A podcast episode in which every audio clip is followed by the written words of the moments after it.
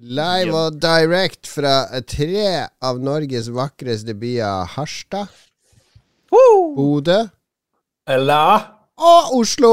Oh, wa, wa, wa, wa. Er Bodø en fin by? Er jo det jeg tenker. Det er en forblåst by, er det ikke det?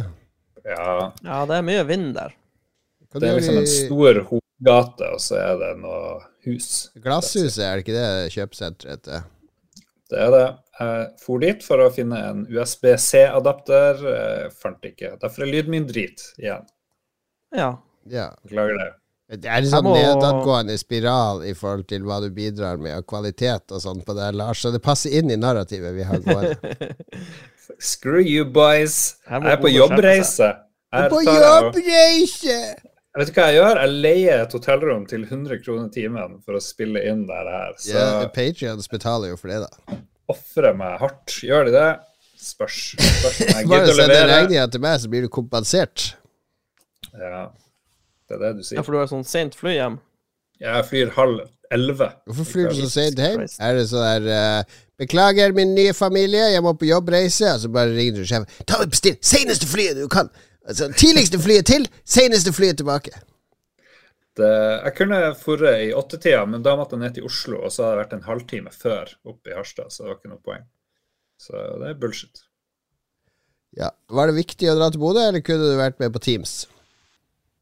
Jeg har vært på mentorsamling. Jeg har møtt 28 journaliststudenter, og vi er 28 redaktører og journalister som alle studentene i Bodø får hver sin mentor. Og det blir helt amazing. Åssen er din eh, apprentice? Er uh, han eller hun helt idiot, eller? Si Hun virker veldig, hun virker veldig lovende, det må Ja. jeg si. Jeg er veldig fornøyd. Vil du ansette henne på dagen når hun er ferdig utdanna? Det tror jeg. Det, Blir det, noe, blir det noen slags battle royale på slutten for å finne ut hvem som har den beste uh, jeg håper det. adapten? Jeg håper det. Så vi står på sidelinja alle sammen og roper 'komité', 'komité'. Ja, det er bra. Er det sånn reality-sjekk for studentene? Bare kommer med litt sånn naiv artikkel og bare Hva faen er dette for noe dritt?! Gi meg 200 ord om en agurk i Kvæfjord! Ja, det er enten agurk i Kvæfjord, potet i, på Borkenes eller noe om Sofie Elise. Det er kun de tre. Nå når du Saker. eier og driver en uh, nettavis, Lars, så syns jeg du kan uh, humore oss, den har Harstad-gjengen din, som i alle år har snakka om agurksaken i Harstad, pleier å være en rar potet på Kvæfjord. Og faktisk lage en historie om en rar potet på Kvæfjord. Ja, det kommer jo av og til? Eh, men det har ikke vært i år, så jeg er litt skuffa. Ikke som jeg har fått med meg. Så vi burde jo oppfordre potetbøndene og jordbærbøndene og alle de her. Kanskje det er er diskriminerende overfor poteten som er litt rar å omtale. Man sier jo ikke 'rar baby født i Harstad' hvis du blir født en baby med tre armer. Ja, men det kunne jeg gjerne ha Du mener at, eh, at woke-kulturen har gått over til å dekke poteter også? Og beskytte Ja, fordi mange woke er vegetarianere, og de tenker de Ah. vil beskytte potetene sine. Ja, det er sant. Jeg vil ha en bonde som hadde en tohoda okse eller Ja. eh, et eller annet. Det var mye sånt før i tida. Mm. Driver de bare og dreper dem i det stille, eller De burde jo lage sånn sirkus av alle de rare dyrene som blir født. Helt enig. Men ja, mentor er det du har skrevet opp. Eh, Får vi ikke noe oppdatering på kloakken? Er det fortsatt uh, ufrivillig svømmebasseng i kjelleren din? Hvor mye har du betalt så langt? Jeg har betalt null så langt, men uh, ene rørleggeren som var innom, han sa at han må følge med. Plutselig kan det gå tett, og da er det ikke så mye å gjøre. Ja. Så nå står saken hos forsikringsselskapet, som ikke klarer å helt uh, kommunisere til meg, da, i hvert fall, hva det er som skjer. Så Så jeg ringte din- to ganger i forrige uke. Jeg ringte på mandag for å høre hva som skjer. Jeg og snakka med en rørlegger. Nei, han skulle jo dra inn og sjekke rørene med kamera, men han venta på noen andre. og Så ringte jeg forsikringsselskapet. Nei, han har fått beskjed om å gjøre det. Så det, liksom, det står i stampe, og det er ingen som kommuniserer ordentlig, virker det som. Det høres ut som du mangler en, en leder som styrer hele showet her. Ja, Noen som pusher. Rørleder. Ja. Så det er alltid bare drit. Men eh, rørene er ikke tette. Altså, de bare Rørene er bare. Driten går ut i naturen, da. Men så kan det hende det klogges eh, der det mangler rør ute i hagen. Jesus lord. Så det er bare Jeg besøker hos mor di hver dag, der alle sparer opp eh, bæsjen, og så går på rekke og rad og bæsjer på doen. Nei, vi bæsjer hjemme, men vi bør jo egentlig ikke gjøre det, for det kan jo plutselig gå galt. Vi burde egentlig bare sende ut vann, som er ganske safe. Det går jo liksom Grått, grått vann. ja. Så jeg må gå hver dag og sjekke ned i Bæsje i en bøtte, da, og så tar du den bare på sykkelstyret når du sykler på jobb om morgenen, og sykler innom havna, og så bare kaster du ut i havet. Problem løst. Her kommer Lars med bæsjebøtta, ja! Unna vei, unna vei! Han frakter bæsj!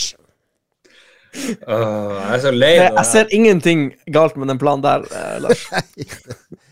Do it. Plan. Do it. Kom igjen, vi vil ha bilde av det. Da skal jeg rett inn på Midjourney oh, og skrive ok, og her er en sær, Norwegian guy with a bucket of shit on his bike. Du lager en Instagram-konto som heter Bæsjebøtta, og så dokumenterer du denne reisen. Viral. Det kommer til å bli viral, Lars.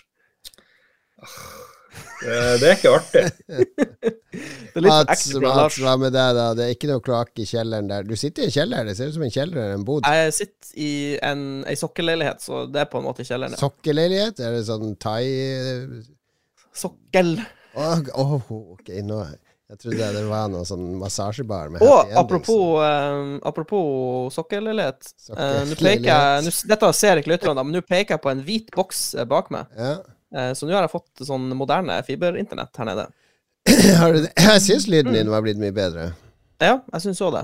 Nei, eh, vi har jo hatt sånn eh, eldgammelt Telenor-internett her oppe. Sånn, du vet, sånn kobberinternett. har du klart å sitte og spille Tarkov og sånn på noe sånn eldgammelt Ja, har pint Telenor-internett? jeg har pint meg gjennom det. Nei da, det har Hva skal du skylde Sånn- på nå, når du dør? Før var det jo alltid det, det, det gamle internettet. Nå begynner jeg å gå tom for unnskyldninger i lysets Ja. Men det var, det var faktisk jævlig deilig. Den største forskjellen, og jeg vet ikke helt hvordan man merker det, men den store begrensninga på sånn gammelt internett er jo upload-speeden. Du har jo yeah. Upload-speed. Det er sånn 6 megabit upload eller noe sånt. Og nå har du plutselig symmetri. Nå har du 500-500. Så jeg vet ikke. Det er bare, internettet føles bare bedre. Da bidrar du til torrentene du laster ned. Mm, nå er det ikke bare enveis. Er det flere headshots? nå? Jeg tror du får mer headshots. Jeg tror det er upload-speeden som gjør at du får flere headshots. For jeg kan sende ut flere headshots fra PC-en min, på en måte. Jeg vet ikke.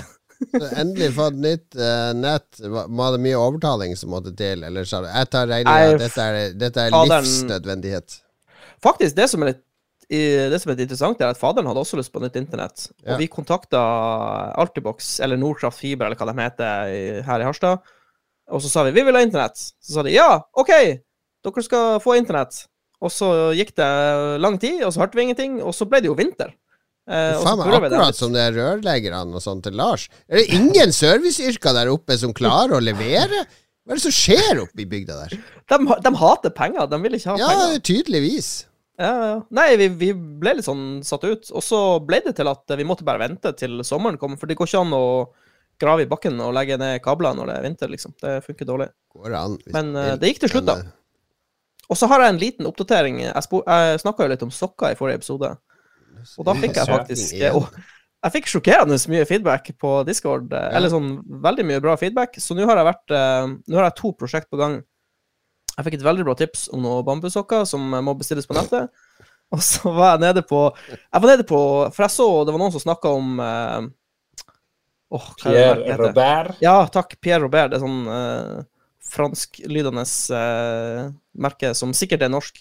Sikkert Eh, og det har, de, det har de på, eh, på Coop, eh, vet jeg. Så jeg var der nede og så. Og jeg var ikke klar over det, men ah, Lars, har du vært nede og sett hvor mange sokker de har nede nede på sjøkanten? Coop Sjøkanten? Det er mange er som, mange som sokker Altså, sjøkanten. De har, de har en sånn gigastor avdeling. Det er som en egen butikk inni butikken, hvor det bare er sokker og undertøy. Det har aldri lagt merke til denne seksjonen før, for jeg har ikke brydd meg om det. Men nå nå når jeg er på det sokkekorstoget mitt, så var jeg der og så. Det var. ja, jeg var på sokkekjøret. Nei, altså, jeg ble rett og slett slått ut. Men hva var problemet her? Den var for lang? Ja, for høye sokker. Mm. Jeg vil ha lavere. Jeg vil, jeg vil ha noe som er en plass mellom en ankelsokk og en tennissokk. Eh, og det hadde de faktisk. eh, Så nå Som har jeg bare akkurat går over den der kulen. Ja, ikke sant? Ja. Akkurat over anklene. Eh, så nå har jeg funnet noen som er ganske behagelige. Også, men det var, så, det var så mange, det var så mye å velge i, så jeg ble litt sånn eh, Alright, Lars, du lager Instagram-kontoen Bøtte-Lars. Mats, du lager Instagram-kontoen Sokke-Mats. Ja. Og så får vi se hvem som får flest likes i løpet av en uke. Uh. Ja, men jeg har uh, spennende historier. Det er veldig mye som skjer nå. Altså. Jeg må liksom drive og velge ut. Dette er siste episode jeg er med i der jeg er 40, i 40-årene. Oh. Neste. Lolbua dere hører meg, da er jeg 50 pluss. Bare gjør det Eh, klart til jeg og Mats kommer nedover. Det blir bra. Jeg gleder meg. Jeg gleder meg. Jeg har reservert sånn VIP-seter og greier. Jeg, blir den første i hele Lolbua-familien som altså blir 50, da. Jeg blir jo den første som dauer òg, da. Jeg regner med dere kommer ikke i begravelsen heller. Nei, hvem gidder? Det er så mange der ja, uansett. Jeg, jeg, tror, jeg, tror, um, jeg tror du blir jo faktisk å leve nest lengst av alle i hele Lolbua. Nei, jeg har ti Ja, år igjen, så det blir tre Hvor mye episoder er det vi klarer å lage? 52 520 episoder igjen. Det, det, det er ganske mye, faktisk. Ja, ja, det blir Vi når nesten 1000. Nei, vi kommer til Rett før episode 1000 så kreperer jeg. Sann mine ord. Okay, Husker dere Jon Cato ja. sa det i episode 414? Og det slo til! Litt spooky. Men ja, eh, det er ikke det jeg skal snakke snakke er om du, er du genuin? Vi kommer jo på hytteturen. eh, Vi kan ikke komme Ja, altså, som jeg har sagt til andre som ikke kommer, man kan kompensere med en større gave. Så hvis du kommer, trenger ikke ha med noe særlig gave, hold det med en klem og ditt fine nærvær, så må man bare finne på noe dyrt. Vi kan, jo, vi kan jo prøve å finne ut hva maksgrensa på Vips er, Lars. Hvor mye penger går det an å sende på Vips? Ja, for eksempel. Jeg skal sende den der 100 000 kroners regninga på kloakken min. Vi får se. Nei, men det som jeg skal snakke om, er at for, i eh, julegave så Det er vanskelig å kjøpe julegave til meg. Jeg tenker det er vanskelig å kjøpe julegave til Mats. Og er du Ja. sånn som sparer noen ting som du syns er kjedelig å kjøpe? Som du Jeg, prøver, jeg prøver å, Hvis jeg kommer på en sånn liten ting eh, som jeg mangler på en måte i livet, Ja. så prøver jeg å bare vente med å kjøpe det. For da kan jeg For jeg kjøper jo alt som jeg mangler. Det må jeg ha med en gang. Så det må være ting som jeg egentlig ikke savner så mye, men som hadde vært kjekt å ha. Det kommer ofte Mm. på julegavelista mi. Ja. Mats hadde jo eh, de beste julegavene en periode. Du fikk grafikkort i øst og vest. Og det var ganske sånne heftige julegaver du fikk der, husker jeg. Som jeg fikk. Ja, ja, ja. Julegave, bursdagsgave. Far din har kjøpt i Ja, julegave, sånn, ja. det, Mats? Ja. Det var når det, når det gikk bra i selskapet til faderen. Nei, men eh, jeg, jeg fikk Det er vanskelig å kjøpe julegave til, så, så hadde min svigerfar visste ikke helt hva han skulle gi meg og Thomas, min eldste sønn. Og så hadde Synne Hun visste jo at vi begge er interessert i Formel 1, så da hadde hun funnet Hva om de får kjøre noe sånn der eh, sportsspill på bane og sånn? Det er jo folk som Oh. selger det i Oslo-området. Så plutselig hadde vi fått et sånn eh, julegave gavekort hver dag av 2000 kroner på sånn track day, som det heter ute på Gardermoen. Kult, da. Eh, det høres veldig fancy ut. Og så har vi prøvd å finne en sånn dag, eh, en helg der det passer, og så har jeg booka Nå lørdag som var, så hadde jeg booka oss inn. Men da kom det jo raid i Destiny samtidig, så han sønnen min baila, så jeg tok med vår venn Tore ut dit i stedet, for det passer bra. Tore blir jo 50 nå straks. Så kunne jeg late som det var gave til han. Neida, det gjorde jeg ikke. Men eh, eh, jeg hadde med en kompis, ikke sant. Fordi jeg hadde, reservert på nettsida. Ok, man kan velge hvilken bil du vil kjøre. Ferrari, Porsche og så andre. Så står det Kjør, kjør på lukket bane, ikke sant, og test hestekreftene og ditt og datt. Instruktør er med, får en liten brief før kjøringa. To runder får man kjøre. Så to runder høres ikke så mye ut. Det hørtes litt lite ut, syns jeg. Men så tenker jeg ok, spa, ikke sant. Det er jo 3,4 Ok, det er jo 6 km, så hvis det er litt stor bane, så er, så er det jo kult. Der bruker man jo fort ti minutter der. Sånn er det vel. Vi skal vel ha mest mulig folk til å kjøre. Så vi kjørte ut Gardermoen tidlig lørdag morgen. Plukka han opp, og vi kjørte ut. Og jeg er litt sånn spent med å fylle ut sånn skadefraværserklæring, eller hva det heter, og, og ditt og datt. Og så kom vi ut til noe sånn her eh, ute ved sånn nedlagt fly, gammel flystripe rett ved Gardermoen flyplass. Uh, og der står det masse sportsbiler på rekke og rad. Og jeg er jo overhodet ikke interessert i bil. Altså Jeg elsker jo Formel 1, og jeg følger jo med på alt det tekniske i Formel 1. Jeg kan lese om vinger og motorer, ICU-unit og, og hva det heter, alt sammen. Men eh, en vanlig, vanlige biler, det bryr meg midt i ræva. Jeg ser ikke forskjell på en Porsche og en Ferrari, og sånn, bortsett fra hvis jeg ser på logoen. Det er ikke så veldig interessert, egentlig, men det er jo gøy å kjøre fort, tenker jeg. Så ja, ja. Vi, får, vi går og får sånn bånd. Og så er det inn i, inn i bilen med en sånn instruktør. Og så Jeg må kjøre bort her. Kjøre bort her. Så kjører vi bort til en sånn parkeringsplass der de har satt opp noen kjegler. Så vi får kjøre rundt. I tre minutter kjørte jeg på den park... Det tok ett og et halvt minutt å kjøre en runde. Kjører sånn i 40 på den parkeringsplassen What? rundt de kjeglene. Og så var det ut. Og det var 2000. Jesus What the fuck? lord.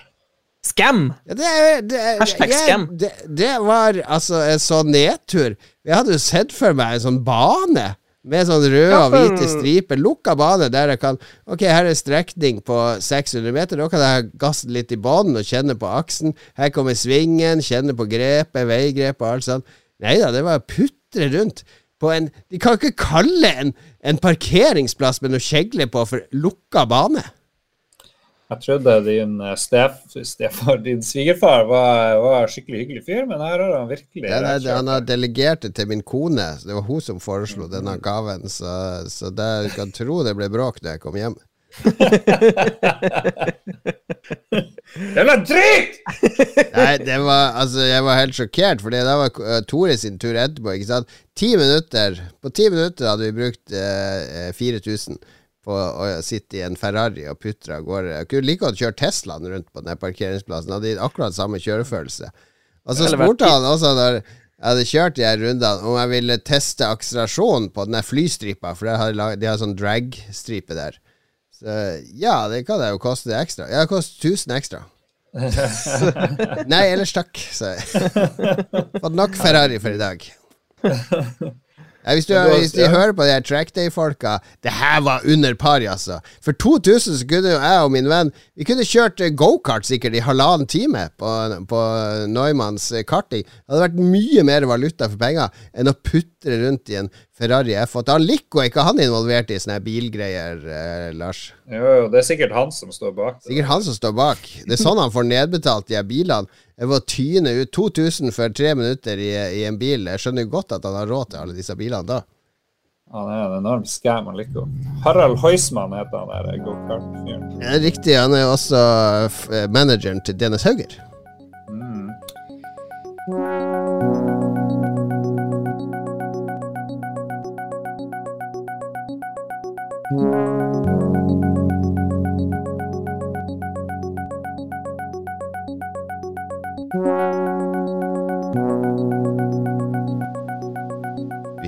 Dette er eh, litt sånn hypnotiske toner fra eh, Det var kanskje ikke det første spillet, men det er et spill fra Mark Cerny.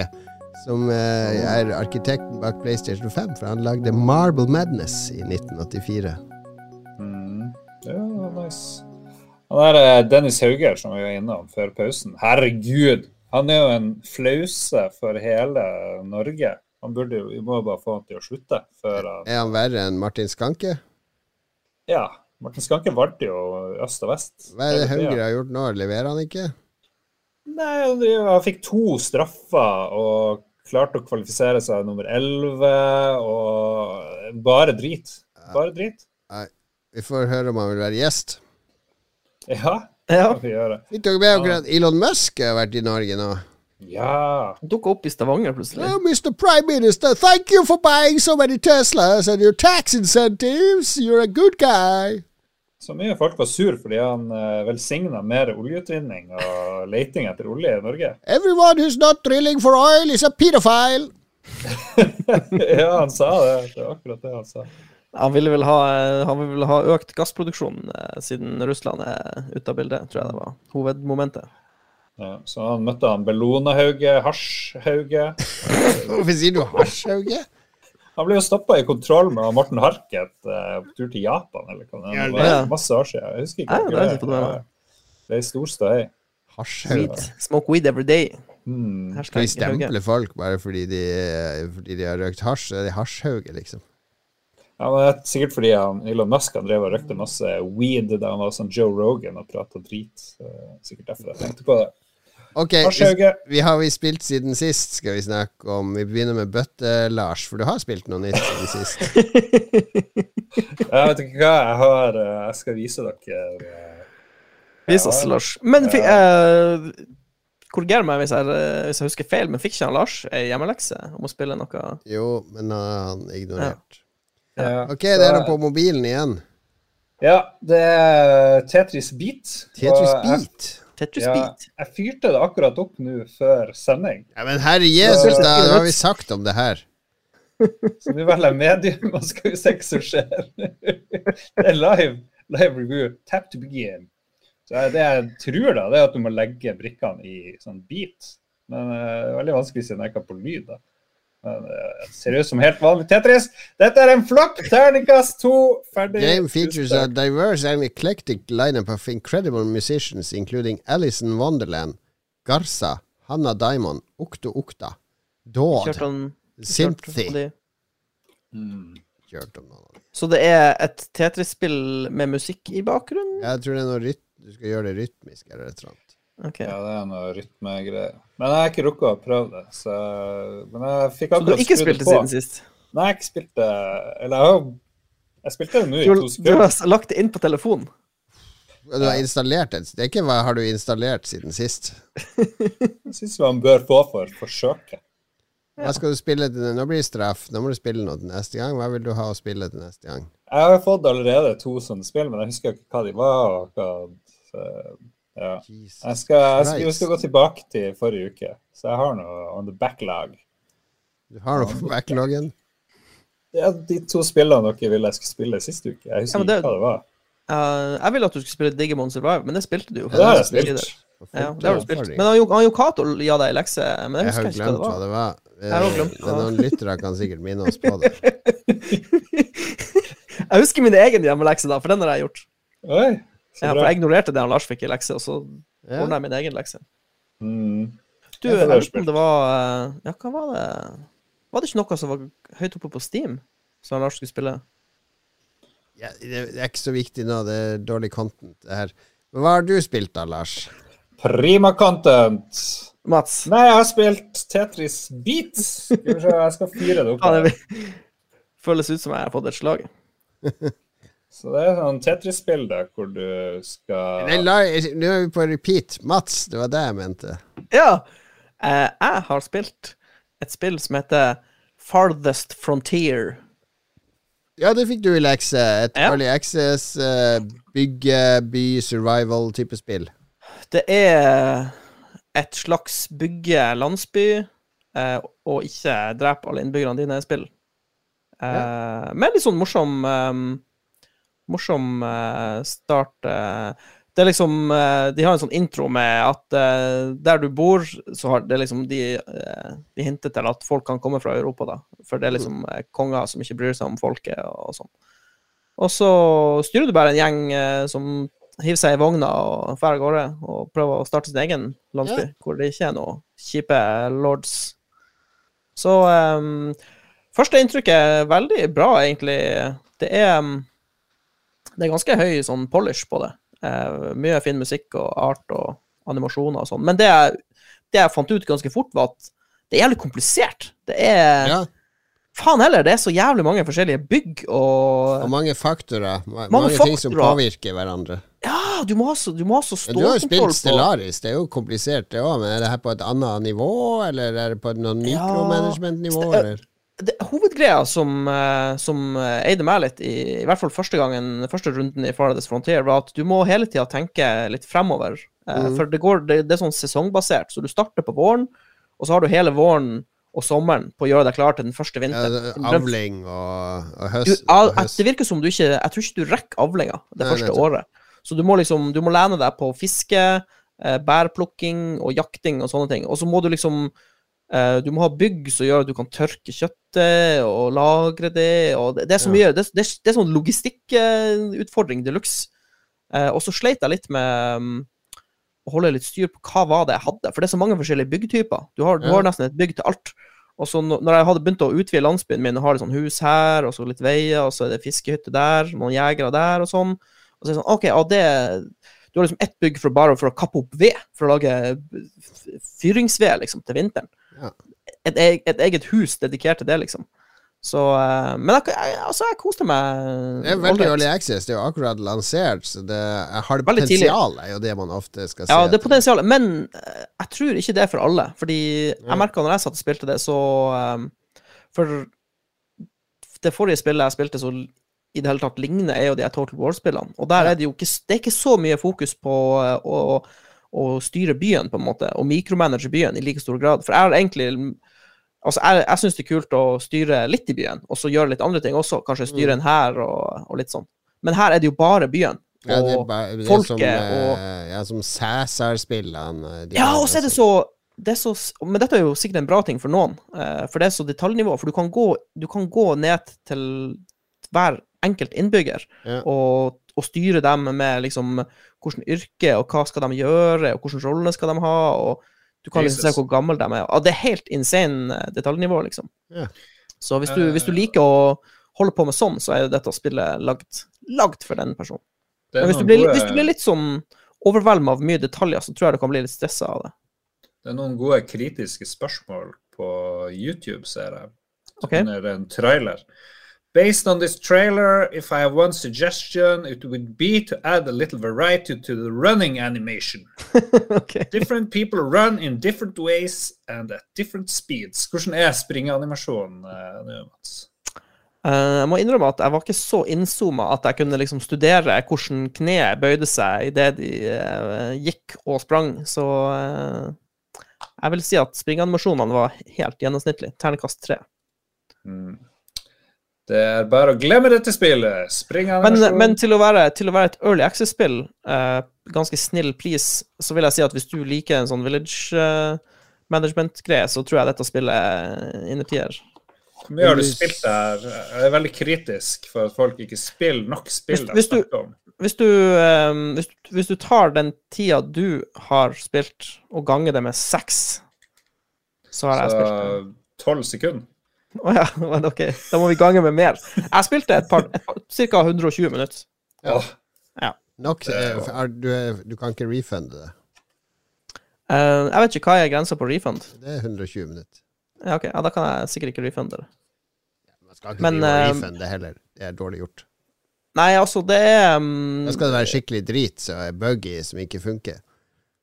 Det, det er et solid eh, Early Access-spill. Men jeg, jeg, tør ikke, jeg tør ikke å gi to tomler opp, liksom. Eh, det, vil du ha, si at folk eh, som liker strategi, bør ha det her på one to watch-lista si, når det evolver gjennom Early Ja, Access? kanskje, kanskje, kanskje vente litt og se. Men, men det som var greia, var For jeg satt og spilte det spillet her, så tenkte jeg sånn Faen, jeg har lyst til å styre en, en svær hær og knuse noen folk.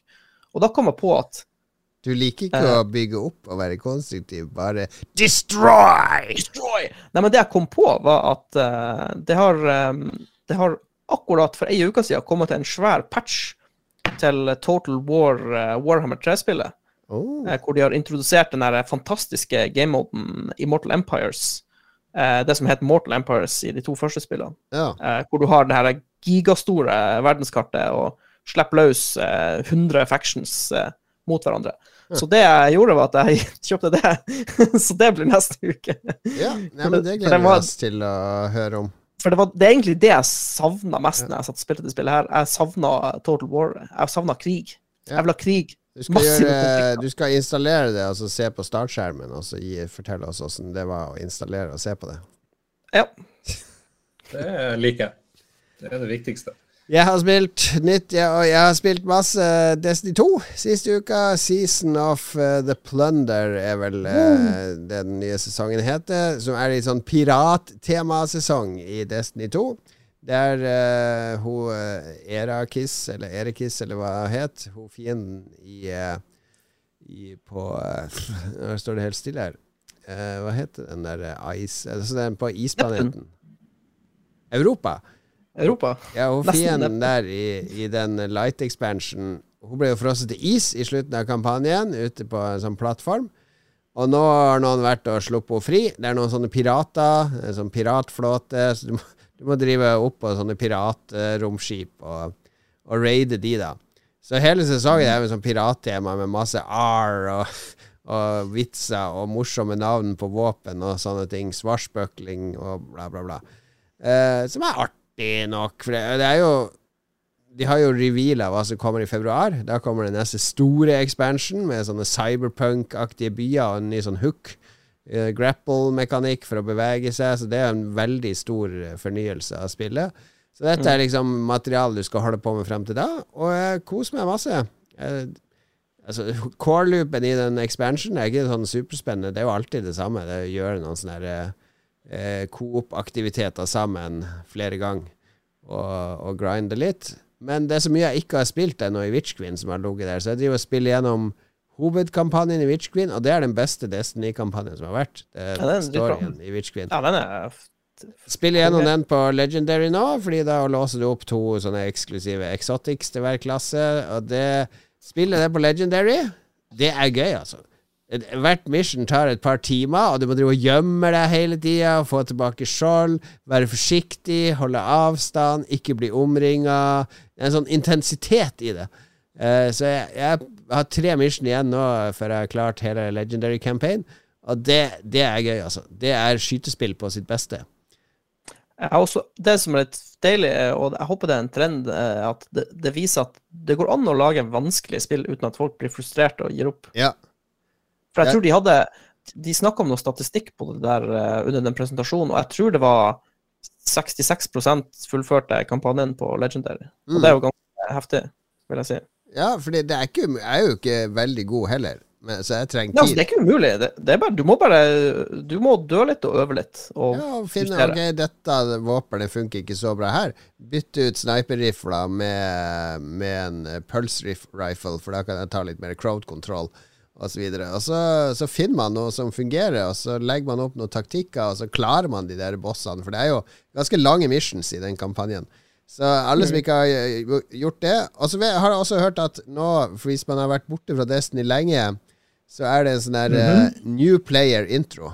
Altså, eh, har du vært borte lenge, så kan du få spille igjennom noe som greier å lose deg sakte, men sikkert inn i den kompleksiteten som er de ulike systemene. Ja, det er jo noe for meg. Jeg Ja. fant jo plutselig ut at du kan på konsoll, på next gen, så kan du stille field of view. da. Ja, Det ja, har ja, ja, eh, ja. Det har jo vært eh, en sånn grunn, for jeg fyrte jo opp det der på PlayStation for, i, da jeg fikk PlayStation. Og det Jeg kan stille forferdelig FOV ut. Ja. Så da blir det jo mer eh, interesting. Jeg blir med. Vi skal ta Kingsfall sammen, uh, Lars. Kings Walt of Glass ligger og venter. Jamie Lannister is going down. Så ja, det, det er Destiny er eh, så bra som det aldri har vært, spør du meg, da. Så jeg koser meg med Destiny. Jeg har til og med de tre fire grimoire-bøkene som jeg driver og leser i. Lorne er inne i. Destiny er bra. Men det som jeg har spilt, som ingen andre har spilt i hele verden, nesten, er et Switch-spill som heter Demon Throttle fra det Devolver. Digi dig Digital. Men i denne, denne sammenhengen så er ikke Devolver Digital, for Demon Throttle kom, kommer kun fysisk til Nintendo Switch. Så du får kun kjøpt det fysisk eh, i, i vanlig sånn spilleske, eller den Collectors Edition som jeg har. Fordi det var en Nintendo Direct jeg så, satt og drakk whisky, og så så jeg dette spillet kom. Ja, artig sånn retro-skytespill. Ja, Devolver, de har ofte kule spill. Hva? Kommer kun fysisk? Kan kun bestille i dag. Collectors Edition, så jeg bare bestilte med en gang. Eh, impulskjøp, det hadde jeg jo glemt. Og så er det jo Bare vent, jeg skal gå på uh, romslab.com uh, og Ja, ja, du finner det kanskje der. Men uh, det var et impulskjøp eh, der og da, så jeg helt glemte av når det dukka opp en sånn her eh, melding fra Posten som skulle ha 1 milliard i gebyr for å fortolle noe som var verdt eh, 250 kroner. Mm. Herregud, det er Posten, altså. Det der eh, fortollingsgebyret deres. Ja, de tar meg alltid på det, og det er sånn der, jeg bestiller ting, og så kommer den, og så bare, faen, så kommer det der. Ja, nå har de begynt å holde varen som gissel òg. De leverer den ikke før du har betalt eh, gebyret. Så du får i digipost. Det må jo komme digitalt òg. Det går jo ikke an å gi ut spill kun fysisk. Oh, yeah. Og vet du hva? Det er så deilig at det er kun fysisk. For jeg fikk melding fra Jeg skal ikke si hvem. Ståle. Som, som hadde sett min snap der jeg pakka opp. Og sånn Jeg fikk skikkelig lyst til å spille. Det så skikkelig kult ut. Og sånn. Fordi det blir sånn enorm fomo når du vet at du Når, du, når det, det er eksklusivt, så blir det sånn Det er sikkert helt genialt! Jeg går glipp av noe! Ja, ja, ja. Jeg Det eneste som står når du går på nettsida deres, er bare 'only physical, never digital'. Ja. Så har de noen animasjoner. Men det er, det er et old school eh, sånn der skytespill der du scroller oppover, og så styrer du eh, to sånne karer. Du kan tagge mellom de, eller man kan spille to i coop. Der den ene skyter rett fram, og den andre skyter eh, litt svakere skudd i sånn vifteformasjon. Så man kan switche mellom de avhengig av fiendene. Så det er sånn skikkelig old school scrolling shooter. Med bosser og litt bullet hell og koselig. Det ser, det ser ut som et glemt spill fra 80-tallet som noen har børsta støv av og funnet. Mm. Og så er det hitpoints. Du ser hvor mange skade du gjør, tydeligvis. Ja, ja, man gjør det. Damage numbers. Mm. Så jeg likte det. Eh, verd- Årets beste spill, helt klart. Kun fordi bare jeg har det. Ja, ja. Nei, det ser kult ut.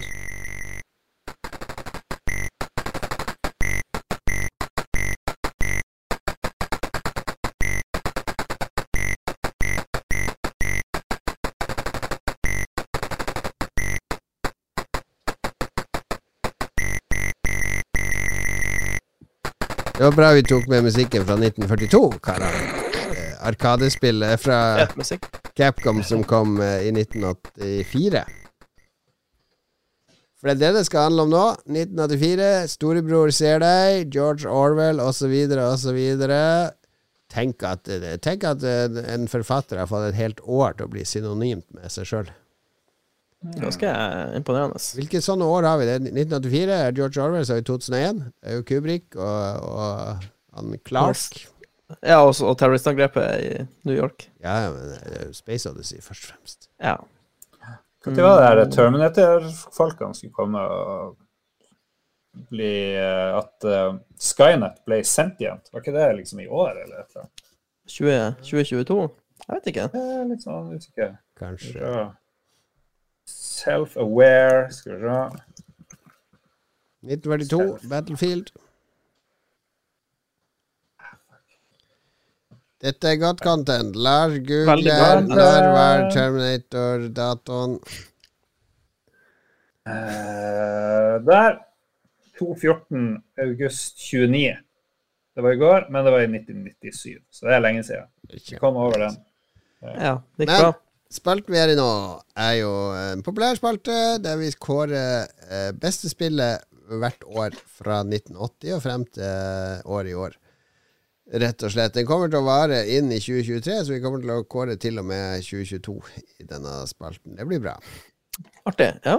Artig. 10% sjanse for at vi klarer å Det er fortsatt Oi, større du sjanse høy, for, gir for du så høy sjanse for å for. Det er fortsatt langt større sjanse enn for at den jævla greenscreenen din skal komme opp. Oh, you never know. You never know. The green screen of doom. 1984, da. Hva, hva skjedde det året? Vi, jeg var tolv år. Jeg tror det var det året jeg oppdaga onaniens gleder. Hei! Gratulerer. Husker du første gang du onanerte? Nei, det husker jeg ikke. Det er sånn vage minner om det første året. Hva, var det LO-katalogen, eller hva det gikk for? Ja, men Det var et problem på denne tida, for det var jo ikke bare Materiale? å søke på, eh, på Big Tits eh, på Google og få noe materiale. Det var litt sånn gå på Narvesen, ja, jeg skal se på disse databladene, så kan du skotte litt opp på øverste hylla. Der var det litt sånn pupper og lår. Legge det inn og i uh, Aktuell rapport, og så må du lagre det på harddisken. Ja, ja. Lagre det oppi hjernen, og så skynde deg hjem. Eller så kunne du gå ut i skogen og se om du bare tilfeldigvis fant ei eske full av pornoblader.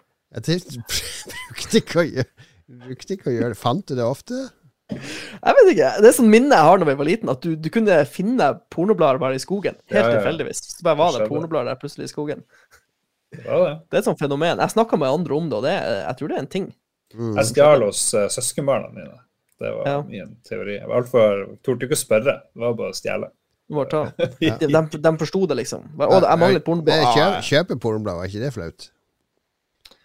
Hvem er det som har Ja. Hvor mange pornoblader er det dere har kjøpt i livet deres, liksom? Uh, jeg har jo kjøpt i voksen alder òg, for jeg brukte, vi hadde sånn her eh, julemiddag der jeg har laga quiz, og så var det et par år der jeg brukte å ha sånn her lek, eller pakka, pakka det inn. Så jeg kjøpte pakka inn pornoblad. Det var ho hovedpremien. var alltid populært. Nei, for hvis dere, hvis dere tenker på Hvis dere tenker på tilbake, i gamle dager, liksom hvor mange pornoblader det fantes på alle kioskene og sånn, Ja. så lurer jeg bare på hvem var det som kjøpte alle de pornobladene. Det må jo være noen som har kjøpt ja, jeg, store mengder pornoblader? jeg, har kjøpt et par i løpet av livet, det har jeg. Men når jeg var ung, altså bodde i Harstad, så var det jo det var veldig skummelt. da. Tenk hvis det kommer inn læreren eller noen som kjenner mamma, eller noe sånt. Så måtte jo først gå rundt på butikken Narvesen der. Først måtte du være i Narvesen, som jeg vanligvis aldri handla i. Kunne du ikke ta faste der jeg brukte å kjøpe Commodore Livsfarlig. For er det en litt sånn avsides, sykle litt ekstra langt, og så var det Å nei, det er flere folk her. Ventet alle folk var gått. Passer på at ingen parkerer utfor akkurat kommer inn og ser meg. Står her og kjøper pornoblad. Ok, og Så kunne ikke være en dame i kassen, måtte jo være en kar. Kan ikke kjøpe pornoblad hos en dame, det ble for flaut. Så det var mye sånne hangups jeg hadde, så det tok, det kunne være en hel dagsjobb å få kjøpt ett pornoblad, liksom. Var det her i Harstad, eller? Ja, det var i Harstad. Hadde du på deg en sånn frakk? Nei, det var ikke så lett å forkle seg, det var det ikke. Men er det ikke 18-årsgrense på pornoblad, eller hva er det for noe? Er det Nei, er det det? Jeg vet ikke. Nei, jeg vet heller ikke. Du kjøpte jo tolv år gammel, da var du ute og kjøpte porno. Ja. Nei, jeg var Tidlig- tidlig på tolv. Det var jeg ikke, jeg husker ikke. Pyton Ja, ja. Ja, ja. Men eh, det var 1984. Yes, beste spillet som kom i, i 1984. Vi må vel si litt om eh, dette spillåret. Fordi nå eh, Atari har jo mer eller mindre kollapsa dette året. Så har det vært litt sånn limbo på konsollspill. Men Nintendo har jo begynt å etablere seg. Og for oss her i, i Norge så var jo Commodore 64 Den var på vei til å få full fart nå. Den begynte å finne formen, og, og mye bra spill. Og fortsatt er det Arkadespillene som eh, på en måte er eh, dominerende. Absolutt. Uh, oppstår en del nye selskaper dette år. Accolade, Psygnosis, Ocean. Uh, kjente navn for mange, sikkert. Eh, og det kommer en god del spill. Punch-Out fra Nintendo kommer. Slåss boksespillet. Karate Champ. var det mannen Mike Tyson.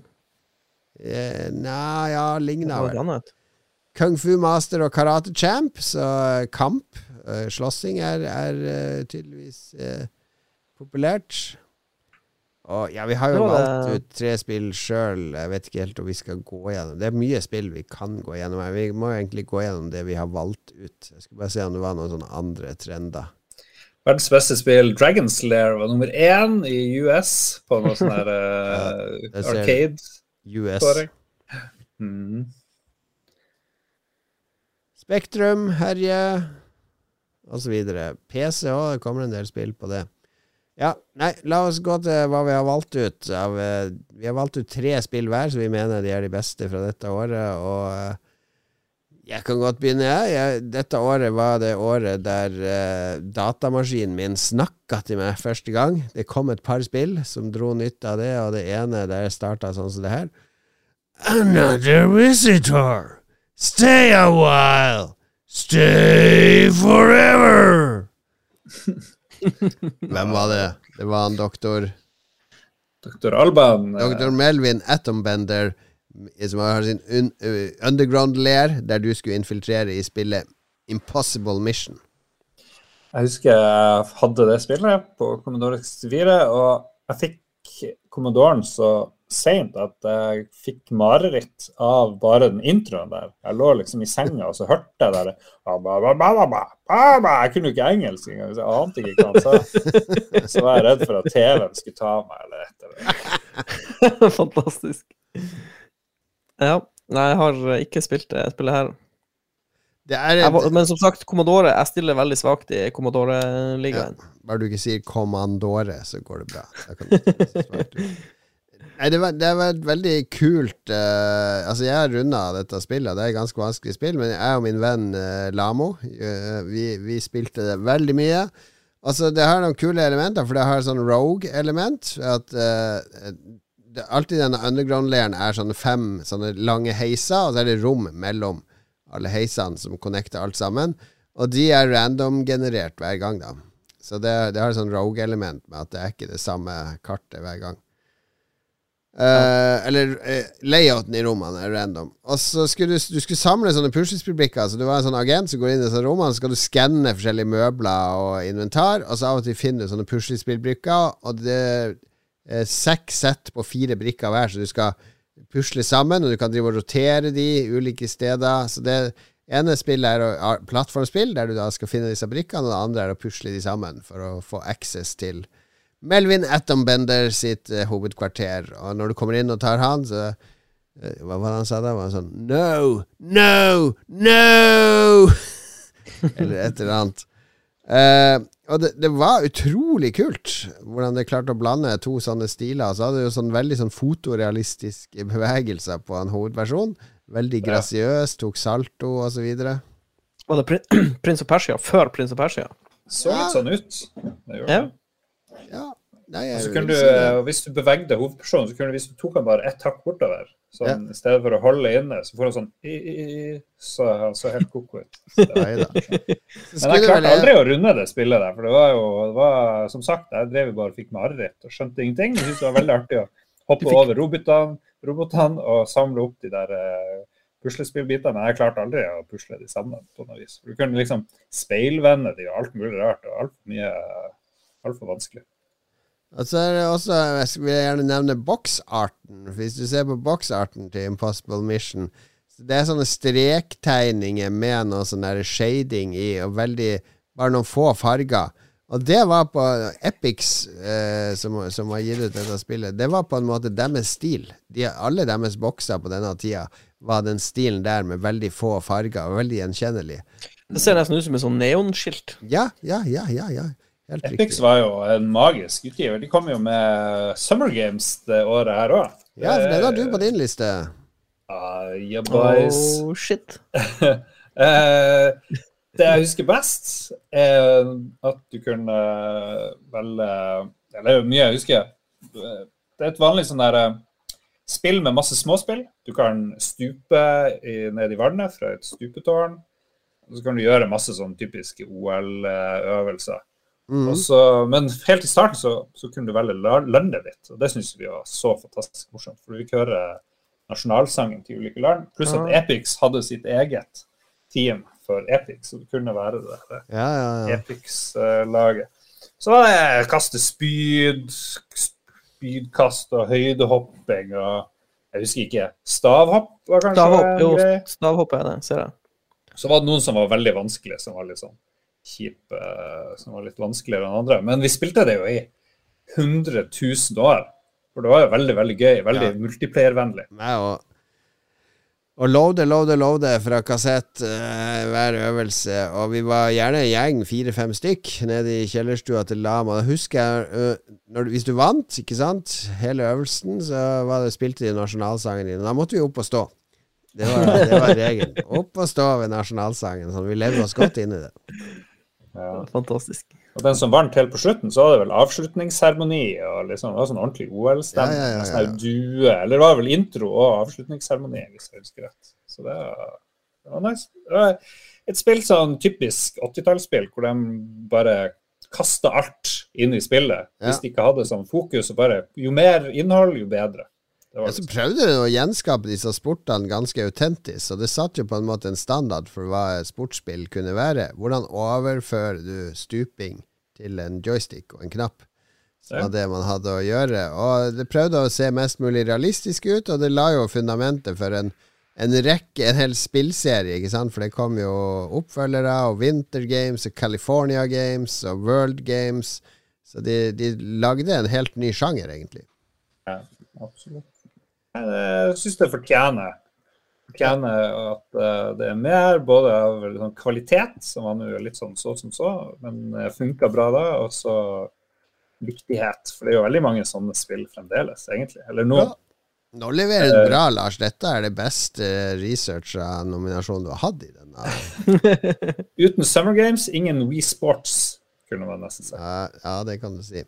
Og så gikk det Ja. ikke Et annet spill som kom dette året, var vel også Daily Thompsons Decathlon. Og det, de kan sammenligne de direkte, men Decathlon var mye mer sånn her, eh, basert på International Track and Field. Mye mer sånn her eh, Hvor raskt klarer du å trykke? Hvor raskt klarer du å riste joysticken? Ikke sant? Eh, Mens Ja. Summer Games var mer skill. Mer presisjon. Epic som selskap er jo litt interessant òg. De var jo med å utvikle den der Atari Lynx. Ja, de lagde, den het Handy når de lagde den, og så holdt de på å gå konkurs, og så lisensierte de den til Atari i et forsøk på å overleve, men gikk ikke så bra. Strålende maskin. Apropos eh, strålende maskin. eh, Jo. I 1984 så kom det ut et spill på den russiske maskinen Elektronika 60 Uh, som het Tetris. Som eh, Ja, jeg, jeg mistenker at det var ingen i Vesten som spilte Tetris i 1984, men det kom ut i 1984, så mm. derfor tok jeg det med på denne lista.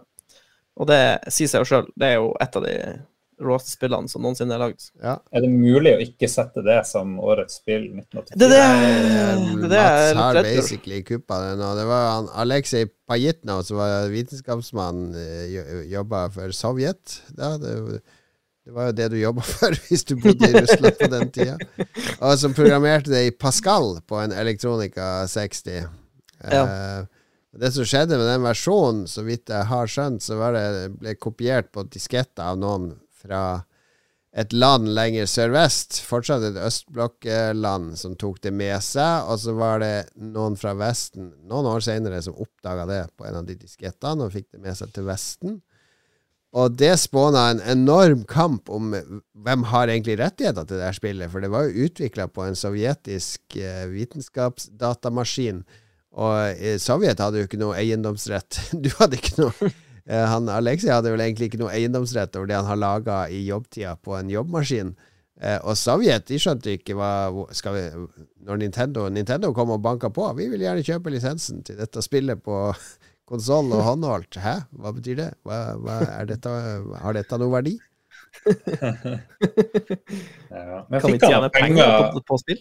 Fikk han noen penger noen gang, han der stakkars eh. Ja, han, eh, han og han Hank Rogers Hank Rogers var jo en som uh, uh, hjalp Nintendo å lande denne dealen. Og Hank Rogers han er nederlandsk entreprenør og spilldesigner. Og en, sånn kar som gjør alt mulig. Sånn typisk gründer, ikke sant. Um, så han så verdien i det her, og han uh, starta Tetris Company sammen med han Aleksej Pajitnov. Så det spillet du har spilt nå, Lars, det du har på mobilen, er jo lisensiert ut av Tetris Company. Uh, fordi de klarte å gjøre det til, til en merkevare som kan tjene penger. Så han, eh, Pajitnov, han, uh, han lever godt nå, han. Eh, Bor han i Russland? Det her må vi jo vite. Han flytta til USA, han eh, Pajitnov, så han, eh, bor vel fortsatt i USA, tror jeg. Vi må ikke snakke så mye om, om han. Plutselig blir han poloniumforgifta, og gud vet hva som skjer. Men ja, Tetris det er jo lite å forklare. Det er jo verdens mest perfekte spill, så vi har egentlig vinneren. Vi kan stoppe her nå. Ja, det er Tetris for meg var um, Jeg fikk en Gameboy da jeg bodde i Stavanger. Eh, Det var min første håndholdte konsoll. Og det er Jeg vet ikke hvor mange timer jeg spilte Tetris på den Gameboyen der, men det er et, et høyt, høyt, Mm. høyt tall. Og så fikk jeg også tak i sånn linkekabel, så spilte jeg Tetris mot vennene mine som også hadde Gameboy yeah. og Tetris. Er helt ama amazing. Så det Ja, for meg er det ikke noe eh, diskusjon i, for 1984. Note to self neste gang vi har sånn åpenbar vinner, ikke nevn den med en gang. Eh, Ja, ja det er sant.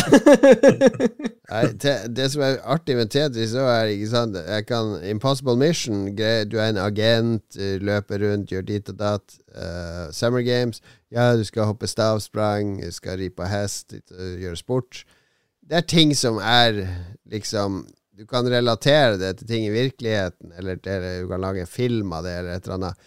Tetris det er rent dataspill. Altså det, har, det, det har ingenting med virkeligheten å gjøre. Det har med matematikk og logikk og interaksjon å gjøre. Kun det. Det er ingen forklaring på hvorfor Hva er motivasjonen min for å, for å plassere disse blokkene attmed hverandre? Jo, motivasjonen din er det der endorfinet du får i hjernen din av å Altså, når du sender ned en sånn lang, en lang bit, og, he og fire rader forsvinner altså, Ja. Det er bare noe inni urhjernen vår som aktiveres. Det er det. Det ringte på døra. Ta, ta det videre med The Boss, Lars. Uh, the Boss Ok, Jeg husker ikke hva de kalte det i Norge, men uh, et, uh, et spill som veldig mange i Norge spilte, det var en sånn fotballmanagerspill. Hvor han Dockerty og masse andre navn var ført opp, som du kunne kjøpe og selge og sånne ting. Og så hadde du bare lista over laget, og så ble du enig med deg sjøl, så sender vi dem ut i kamp, og så var det en sånn skjerm med bare bilder av noen mål eller noe sånt, og hvilket lag som spilte det, og så gikk minuttene av gårde. Så må du bare sitte og se på skjermen. Det er ingen grafikk eh, egentlig å snakke om. Men så plutselig begynner skjermen å blinke og bare! Oi, nå skjer det noe.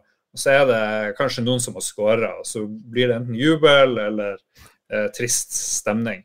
Men det som er så gøy, det er at du kunne gå inn og editere de her oppleggene. Så du kunne jo putte inn egne navn til de her spillerne. Så du kunne jo liksom putte inn vennene dine eller norske landslag eller sånne ting. Ja, for jeg ser eh, at det er jo, dette er jo basically football manager. Det første football manager. Det er proto-footballmanager. Og hvis noen eh, Jeg føler at mine spill her er gode konkurrenter til Tetris. Kanskje ikke The Boss, men eh, det var nå med og var starten på noe sånn veldig stort, det òg. En viktig, viktig sjanger.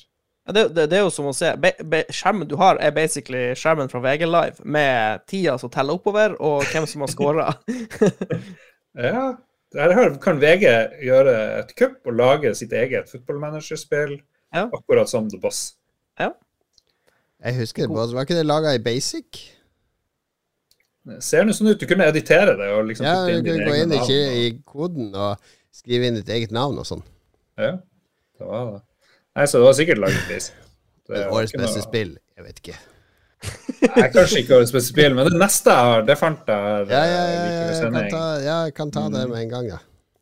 Ok, Vi nominerer Glem Tetris, Elite. Oh. Et sånn open world-spill. 1984, In Space, hvor du kan drive og fly og dokke med romstasjoner og selge og kjøpe. Dokke, dokke og sokke. Dette er Lolbua, vi kan dokke og sokke. Og det er jo lagd i, sånn, i utvidelsen i hvert fall av de samme som nå slipper Formel 1-manager 2022, eller hva det heter. Frontier. Frontier, ja. Så de, de har noe sånne greier. Oppfølgeren til Elite heter vel Frontier? Og- Ja, jeg tror det er Elite 2, Elite 2 Frontier, tror jeg det heter. Ja. Jeg var, eh, jeg var litt for ung til å klare å spille det noe sånn veldig, men jeg husker liksom den enorme følelsen av å kunne ha verdensrommet som din lekegrind. Det var ganske amazing. Så jeg tipper du spilte det litt mer enn meg. Faktisk. Ja, jeg syns det Jeg skjønte det aldri helt. Men våre venner Espen og Vidar de, Espen han spilte det i hundrevis av timer. Opp til elite rank. Og det er et spill jeg darer deg til å laste opp på emulator i dag, fordi det er Det er altså det er én frame hvert tredje sekund, basically. Når. Det er så et under at vi klarte å spille der. The Glacial. Det er 3D. Det er jo isometrisk. Nei, er det isometrisk? Det er i hvert fall 3D. Det er polygoner eller something. Jeg mener, å huske at det ble lansert sammen med en eh, roman. Det finnes en versjon som kom sammen med en roman i boksen, som liksom var Prøvde å sette en sånn story ut i verdensrommet. Mm. Og så har det en veldig sånn kul hyllest til uh, 2001-filmen til Kubrik, fordi når du har fått nok credits, kan du kjøpe deg en docking-computer. Så slipp, da slipper du å manuelt eh, kjøre inn i sprekken på romstasjonen. Nå ble litt erotisk her. Men du må liksom kjøre inn Du må skli romskipet ditt inn en sprekken på romstasjonen. Eh, dokke er vel det det kalles. Uh, med en docking computer så matcher romskipet ditt rotasjonen automatisk, og den dokker for deg. Mens det spiller da Blue Danube, altså den valsen som spilles i 2001, eh, Kubrik sitt mesterverk. Ja, så er alle planetene er prosedurelt eh, generert, og det var åtte galakser med 256 planeter. Eh, I verden. Amazeballs. Ja. Amazing. Ja, men det er så litt morsomt. Denne franchisen den eksisterer jo i dag. Vi kan jo gå på Steam og laste ned Elite Dangerous. Ja, den uh, Ja, eksisterer i beste velgående. De har klart å beholde essensen av det som gjorde det opprinnelige morsomt. Ja, for jeg skulle gå eh, Jeg måtte søke på For det var en novelle som het uh, The Dark Wheel, som ble uh, bøndla med spillet, da. Ja. Og hvis du går på The Dark Wheel, så får du en sånn wiki-entry fra det moderne elitespillet. Mm. Så det er tydeligvis en hemmelig organisasjon inne i spillverdenen. Så de har liksom klart å få det, få det inn i current elite. Det er jo litt morsomt. Var, var det en roman eller en novelle? Eh, eh, det var en Ja, nå gikk jeg et hakk videre. Det var ei bok. Ja, ja. Det går ikke an å gi ut en novelle i bokform. Må man alltid gi ut en novellesamling i bokform? Du som Ja. er published author, Lars, er det lov? å Bare gi ut en Blir en novelle en roman hvis den gis ut alene? Det var, det var en novella. En novella, hva det betyr? Novella. Novella er en uh, kort Hva heter det Da? Kort historie. En, Ok. uh, Ja, det var en novella, ifølge internettet. Prime content, kjære lytter, idet vi eh, diskuterer blir bokbadet her et lite øyeblikk. Vi skal tilbake til spillene. Jeg har et spill her eh, som vi har hørt musikk fra allerede. Jeg vil gjerne fremheve hvor fantastisk pent, innovativt og spesielt Marble Madness var når det kom allerede i 1984. Ta og Se på video av Arkadespillet Marble Madness, og sammenlign det med The Boss. eller eller uh, hva som helst. Fordi det, det, har, det er sånn 3D-isometrisk spill der du skal trille en kule nedover en bane som er uh, Det er masse tiles. Altså det ser ut som sånn kjøkken, uh, kjøkkengulv eller baderomsgulv. Masse buer og, og veier og stier. Pass deg for å ikke falle utfor. Det som var så kult med den arkademaskinen når den kom, for det første så så helt utrolig bra grafikk på den skjermen. Var høyoppløselig og, og så fett ut. Det var kontrollen. For kontrollen var jo en stor kule i arkademaskinen, altså en trackball. Så du da du spinner den den veien du vil at den kula skal spinne, og jo fortere du spinner den, jo fortere spinner kula. Så må du spinne andre veien for å bremse den. Så det var, det var styringa. Og det, når jeg, når jeg så den arkademaskinen, jeg hadde sett med ratt før, jeg hadde sett med spaker, jeg hadde sett med sånn skruknott. Tenkte nå har alt gjort, så bare Hæ, hva er dette for noe? Jøss, yes, det er faktisk den kula som triller, som jeg triller på her. Det var et sånn nivå av uh, å være til stede i spillet, altså sånn én-til-én-kontroll over det du gjør på skjermen. For det funka mye dårligere når den kom på Amiga, for da måtte du sitte med musa og dra den dit og dytte tilbake. Det var ikke like intuitivt. Du spilte ikke på Commodore 64, da? Nei, jeg husker ikke om det kom på Commodore 64. Jeg husker jeg spilte det på Amiga. Men det, det, var et utrolig innovativt spill da det kom. Det ble virkelig lagt merke til. Kom i 86 til eh, Commodore 64. Ja. Ja. ja. Alright. Jeg spilte aldri noe særlig, jeg må innrømme. Nei, Marble, Marble Madness. Jeg, lurer på, jeg tror kanskje jeg har sett selve Arkademaskinen. Det ser smashing ut. Det gjør jo det. Mm. Absolutt. Neste? Ja. Jeg har um, tatt med um, to spill til. Uh, jeg tok med 1942. Det der uh, shooter uh, shoot em up-spillet hvor du styrer sånn andre verdenskrigsfly. Mm. Og bomber og sprenger ting i småbiter. Det Ja. Jeg, jeg, husker bare Jeg har veldig gode minner om det spillet. det var jo veldig artig. Det var jo bullet hell. Ja tidlig bullet hell. Uh, ja, ja, ja. Og så var det som jeg tror appellerte til meg, var at det var liksom Det var andre verdenskrig. For alle de her spillene der fram til da var stort sett sånn science fiction-greier. Eller i hvert fall ja. som jeg kan huske. Uh, det er sikkert noen andre som ikke er science fiction. Men dette var i hvert fall skikkelig Ja, det var andre verdenskrig, rett og slett. Det var noe kan du gjøre en loop i tillegg, husker jeg. Du likte at det var, jo... var autentisk. Du kjente igjen flytypene og jeg og lillebroren til han Lars han, Jan Fredrik var jo godt over snittet interessert i fly fra andre verdenskrig, for å si det mildt. Så... Var dere sånn som lagde modellfly og sånn? Å oh, ja. vi var hardcore nerds. Delte ikke du den interessen, Lars? Nei, jeg vet ikke. Du var sånn som drev og ødela modellflyet til lillebror. Sur. ja, jeg gjorde det. Jeg innrømmer det. Ja, det var, vi, gikk fra, vi gikk fra modellfly til uh, Warhammer. Det var den uh, stien vi tok. Det var, det var inngangsdrugen. Ja. Og så tok jeg med på slutten uh, Boulder Dash. På, ja. Uh, Commodore. Det, ja, jo, det er et veldig, veldig, veldig, veldig viktig spill, det òg. Ja. Det, det, det, det, er faktisk et av få Commodore-spill som jeg har spilt ganske mye. Fysikkbasert uh, puslespill, rett og slett. Veldig enkel fysikkbasert. Ra, det raser ned hvis du greier Steiner faller ned. Og du, du, står i jord, og når du fjerner jorda, ikke sant, så er det luft igjen. Og hvis du da fjerner jorda under en stein, så faller den ned. Det var grunnkonseptet. Enkelt og greit. Mm. Det minner jo litt om tidligere nominert spill, kan hende det heter, hvor du blåser opp fiendene dine eh, under bakken. Dig Dug. Det ligner jo litt. Dig Dug, ja. Uten tvil. Mm. Det var, det var, så ikonisk, det spillet, at uh, mitt favorittspillblad gjennom tidene, Sepp64, de adopterte jo han eh, Boulder Dash, han Rockford, som han het, han som dytter disse steinene og går rundt, til maskoten. Så han og Thing on a Spring, som er uh, uh, ja, en, en, springfjær med hode og bein, de er tegna inn i margen i alle Zepp64-blader, de, de, med sånne jokes og puns og sånne ting. Det er en god joke. En god joke. s- har, han, ser, ja. han ser ut som en sånn her eh, syk versjon av Where's Waldo, for han har en sånn eh, rød og hvit stripete genser, og så ser han ut som en appelsin i trynet. Han ser ikke bra ut. Jeg slapp unna med mye eh, når det gjaldt utseendet på spillfigurer Ja. den gangen. Det var lettere tider.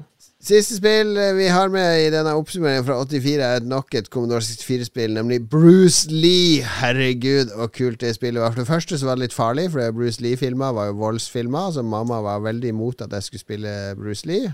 Men jeg piratkopierte det, hun visste ikke om det. så fikk jo en kopi, jeg trengte ikke originalen. Men eh, Bruce Lee var jo så magisk, fordi du var Bruce Lee. Og så var det en eh, ninja og så en sånn grønn sumobryter. Det var fiendene. Og så var det plattformspill med slåssing. Det syns jeg var så kult, fordi det var ganske små sprites. Så du er på en stor skjerm, og så ok, jeg må klatre opp dit, komme meg opp dit, ut dit. Og mens jeg holder på å klatre her, så dukker disse karene opp. Og så prøver de å jage meg og hoppe etter meg. Og sånn. Så må du stoppe litt, og så må du slåss. Det var ikke så vanskelig å slå dem, men det var en distraksjon. Jeg måtte liksom eh, finne Nå må jeg ta meg tid og ta dem, og nå kan jeg løpe videre. Og gikk fra skjerm til skjerm til skjerm. Ikke så vanskelig spill heller. Jeg har runda det mange ganger. Men Bruce Lee Fantastisk eh, Fantastisk lisens. Et av de virkelig store første store lisensspillene. Er kjempebra. Det kom jo en ny versjon òg, tror jeg. Ny versjon av eh, Bruce Lee. Ja. Han, uh, vår venn Christian Kjessem har vist frem eh, det der. der. Det stemmer, det. For jeg tror han som lagde den versjonen, var på det 64 ett baller-showet eh, der vi snakka om det. Oh. Hmm. Sånn. Sånn var det. Det var året 84. Det er vel ikke noe vits å ha noe avstand her. Det må bli Tetris. Nå må Jeg vi føler faktisk Tetris er monsterkandidat. Så får vi se Eller blir det Summer Games? Nei, nei, nei. Så får vi se hva Midjourney-botten klarer å spåne av eh, splash til episoden. Når vi inputter Tetris og noen andre. Hva, hva mer enn Tetris skal jeg inputte, karer? Tetris og uh, Samantha Fox. Tetris og Samantha Fox. Vet du hva? Det gleder jeg meg til å putte inn.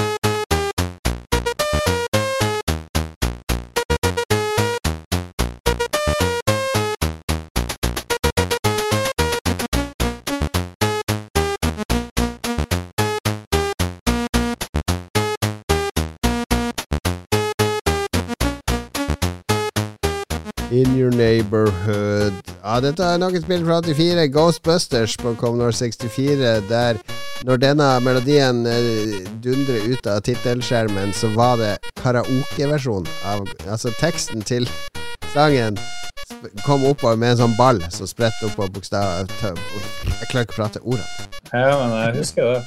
PC der, eh, laptopen min driver og går amok med sånn rar viftelyd. Er det når dere hører. Jeg håper ikke dere hører. Nei, jeg hører ikke. vifta di.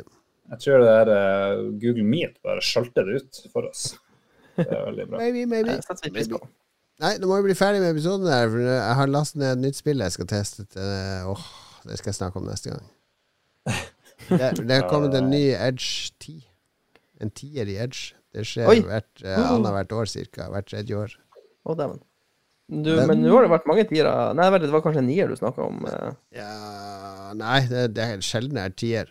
Dette er det Ja. første Jo, nei, du, men du snakka om en nier, at det var såpass bra at da Ja, det var nok til å kjøpe konsoll. Ja, Men en ja, ja. tier, det er eh, Det er, det er, det er Vi snakker Tetris-territorier. Å. Det er første gang et indiespill har fått eh, ti. Og det er Sam Barlow som står bak. Hvis dere ikke husker Her Story, for eksempel. Det er videopuslespillet der du skulle pusle sammen Eh, Han har laget et nytt sånn videospill om en uh, skuespillerinne som eh, har forsvunnet, og var med i tre filmer og talkshow og sånne ting. Også noe sånn videobasert, med klipp og lim og finne ut av ting. Men eh, det, det heter Immortality. Ble lansert i dag. Fikk en Edge 10. En Edge 10. Tygg på den. Shit. Jeg leser her at Edge har gitt 20 spill eh, tid før det. Og så i ettertid så har de gitt noen andre 10. Men eh, her finner vi jo superhits av Bloodborne. Eh, av en eller annen grunn for GTA 5 fikk 10, Men Ja, ellers så er det GTA jeg. 5 er jo et kult spill. Ja. Half-Life 2, Halo, Combat Evolved, Ocarina of Time, Gran Turismo og Super Mario 64. Så det er jo mye bra spill. Ja, en godt selskap, da. Veldig godt selskap. Jeg gleder meg Gleder meg til å spille det etterpå. Men vi skal gjennom anbefaling, og så har jeg jo vært så dum og jeg vet Du hva? traff Lars, du må, ta, du må ta sosiale medier-ansvar igjen, for der blir det, det blir sånn ti spørsmål eller noe sånt. Når jeg har ansvar Hvor mye spørsmål er det Hvor mye har jeg fått inn nå? 60 pluss, eller noe sånt? Ja, men det er jo sånn Når du spør om noe det kan svare ja eller nei på, så er det ikke så Det vanskelig. er ikke, det er å ikke ja eller nei-spørsmål jeg spurte her. Det var for å trigge Jeg, jeg, jeg trigga litt kåthet og nostalgi. Det, det er en hellig kombo. Superkombo. Nostalgisk okay. kåthet. Men før det må vi ha en anbefaling. Oh, yes. Ja. Jeg, jeg har jo allerede nevnt at jeg er på sånn mentorsamling. Men og du det kan jo ikke bare spinne videre på det, da. Kan jeg vel? Nei. Jo, jo. Jo, for det, Watch me! det som er forskjell folkens, på mentoring og coaching, er at en mentor skal ikke komme med alle svarene bare sånn boom, boom, boom. Det er jo akkurat det samme Det- som coaching. Nei, for i coaching da sitter du der, og det er litt sånn enveiskommunikasjon og sånt. Mentoring, da skal du prate 20% og så skal den som er student, skal snakke 80% Og så skal vedkommende få endorfinrushet av å finne løsninger av seg sjøl. I stedet for at du som skal sitte der og vet alle svarene, kommer og får den gleden eh, sjøl. Og de får lære mye mer da, hvis du liksom klarer på en sånn sokratisk måte å, å heller lede dem i rett retning. Mentoring varer gjerne mye lengre, et år eh, sirkus. Coaching er mer sånn. Det er det vi gjør på jobb ofte. Men hvis man har tid og mulighet, så er det der mentoring-greia en, Ifølge psykologen som var og foreleste en hel dag, var veldig interessant. Det er mye bedre. Så vi hadde masse øvelser oppi der, og det var en del ting jeg følte man kunne dra med seg i det virkelige liv. Det første vi måtte gjøre i sånne øvelser, det var å lytte til andre. Eh, De andre skulle fortelle om et eller annet problem de hadde. Og så skulle du ikke avbryte så mye, du skulle liksom lytte. Og så skal du i stedet for å komme med din løsning, så skal du stille de spørsmål rundt og prøve å få dem til å reflektere sjøl over situasjonen. Og herregud, folkens, det å la folk prate og heller lytte, og liksom prøve å legge merke til hva er det de sier, det er noe i hvert fall jeg gjør altfor lite i mitt liv. det vet vi. Du sitter ofte med telefonen mens vi spiller inn og scroller på ting. ja, nettopp. Og det, det gjorde vi òg en sånn greie på å være aktiv lytter istedenfor å sitte og se seg rundt og stirre på mobilen. For da, den som prøver å prate, blir jo helt ko-ko. ikke sant? Det var jo ikke sånn vi var lagd mennesker. Det var ingen, Kanskje man så etter løver og sånt, men det var jo ikke så mye mobiltelefon og, og, og så mange distraksjoner før i tida. Så det, du får en mye bedre historie ut av folk hvis du lytter godt. Så eh, det er litt sånn et eksempel fra mitt virkelige liv da, som jeg har tenkt på i ettertid, er jo når eh, stedattera får sånne tantrums, hun har et eller annet problem. Eh, F.eks. så er hun på rommet sitt, og så driver tusjene og triller bak skrivebordet, fordi skrivebordet er ikke plassert ordentlig inntil veggen. Kanskje er hun sur for andre ting òg, som jo kanskje bør ta tak i. Men liksom, i stedet for å si se nå her, og så flytter man det bordet, og så skyver man det på plass, og så er problemet løst. Hun får jo ikke noe glede av det, bortsett fra at problemet er løst. Men hvis man hadde sagt f.eks. ja, hva er det som skjer her nå, hva er det vi kan gjøre nå for å, å ordne opp i problemet, så må den personen reflektere litt sjøl og komme frem til en løsning, og kunne føle glede av å, fikse opp i sin egen hverdag. Så det er et lite sånn praktisk eksempel på det, som man kanskje ikke bruker mye mer i parforhold og Ja. i andre andre Anbefalinga di er aktiv lytting. aktiv lytting. Prøv å diskutere litt der det er, er rom for det, i stedet for å liksom buse ut hele tida med sin egen mening. Ja. Nei, men uh... Dette mener du flere uh, yrkesgrupper og folk bør utøve mer av? Ja, der det er rom for det. Hvis det brenner på dass og det er et drap, og du, du er sjef på jobb i en mediebedrift, så kan du ikke drive og være sånn veldig og gå rundt grøten. Da må, vi, da må jo skje til. Men hvis du har sjansen, så tror jeg Når der der eh, rørfyren endelig kommer, så kan han ta sånn der Ja, Lars, hva er målet ditt med Hva er, hva er det du vil oppnå her nede? Hvordan skal du lø finne løsninger på det? Jeg skal hjelpe deg å finne løsninger på kloakkproblemet ditt. Det er kun to unntak. Det er når det er drap, og når det brenner eh, drit rundt omkring hele huset. ja. Der ser dere gutten som har lært noe her. eh, Ja, Ja, ja, her på du- coachingkurs er det er jo stort sett identisk, men selvfølgelig, de må kalle det for forskjellige ting, sånn at de, de kan sende folk både på mentoring og coachingkurs og tjene enda mer penger. Coaching går ut på akkurat det samme. Det er jo å hjelpe kandidaten identifisere et mål, og hvordan man skal nå det målet. Ja, ifølge de her eh, folkene her, helt forskjellig, men relatert. Det, Den, den store coach versus mentor-campene som kriger med hverandre. ja, ja, ja. Nei, det, jeg holder meg til coaching. Gjør det. har- Men, coach eh, co-op er jo mye morsommere enn mentor co-op. Mentormetoder. Ja ja, du får se på bursdagen min fredag, så kan du få mentore meg litt, Lars. Når du så, helt sånn overraskende dukker opp uh, der. Du kan få sitte på den stolen der jeg har skrevet 'Min beste venn Lars VIP reservert'. Uh, the, bad, the bad feels are creeping up. Jeg skal skjønne dere hva jeg skal anbefale? Uh, hva det står her Skal anbefale gigaboks. Nei. Nå skal jeg anbefale noe eh, lokalt ute i Lørenskog. På metroen der. Så har det dukka opp en butikk som heter Gigabox. Oi. Gigabox! Ja, det er- Gigabox! Det er et eh, latterlig navn. Jeg lo høyt av det første jeg hørte det, men så, nå, nå elsker jeg det navnet. Og Det er visstnok den eneste butikken i Norge. Og den selger eh, masse sånne ting som du får på Rema og sånn. Bare alt er i sånne gigantiske innpakning. Så det selger Å, du skal ha ketsjup? Ja, vær så god, her er en tre kilos flaske med, med Heinz. Og du skal ha Hellmanns majones? Vær så god, her har du to kilo ma- majones på glass. Altså, alt er i sånne megapakninger. Og du skal ha nudler. Vær så god. Seks kilo nudler til deg! Uh, vi var jo handla der før den der sommerfesten som vi hadde i sommer, eh, som jeg fortalte om tidligere. For da skulle vi ha 100 burgere, og der selger de, de selger de der Kanda-burgerne. Du vet, alle gatekjøkken de har sånn Kanda-burgere. Det er den vanlige gatekjøkkenburgeren. I sånn pakker på 20, selvfølgelig. Eske på 20. Så de selger alt i sånne enorme kvanta. Og det er et eller annet som kommer inn uh, Jeg har lyst på litt Nutella. Å, se der, ja. To kilo! Er To kilos glass med Nutella, ikke sant? Det er noe med å ha sånn stor pakke som gjør at A, jeg føler at nå sparer jeg masse penger ved å kjøpe sånn gigantiske kvanta. Jeg tror ikke jeg gjør det egentlig. Men B, det er så deilig å kjøpe sånn gigasvær pakke med ting. Er, hvorfor er det så deilig? Jeg tipper det er sånn prepper-ting. Ja, er du- For du er føler at Nå blir du Nå blir du ikke gå tom for det. Nå har du det. For alltid. Du er i Liksom, det du, du er trygg. Du er trygg. Du kjøper trygghet. Det jeg lurer på, er hvor mye kaster man av de her gigaboksene? Fordi Du har familie nå, Lars. Du vet hva som går av mat og vaskepulver og sånne ting. Det får bein å gå på med en gang man har eh, mange munner og, og, og mette og kropper å vaske. Så nei, det, det, jeg vil anbefale en tur på Gigabox på Lørenskog hvis du skal ut og shoppe litt. For herregud, så deilig det var å shoppe inn litt sånne svære, gigasvære ting. Og så tenker jeg også når jeg kjøper det Nå trenger ikke jeg kjøpe det her på to år!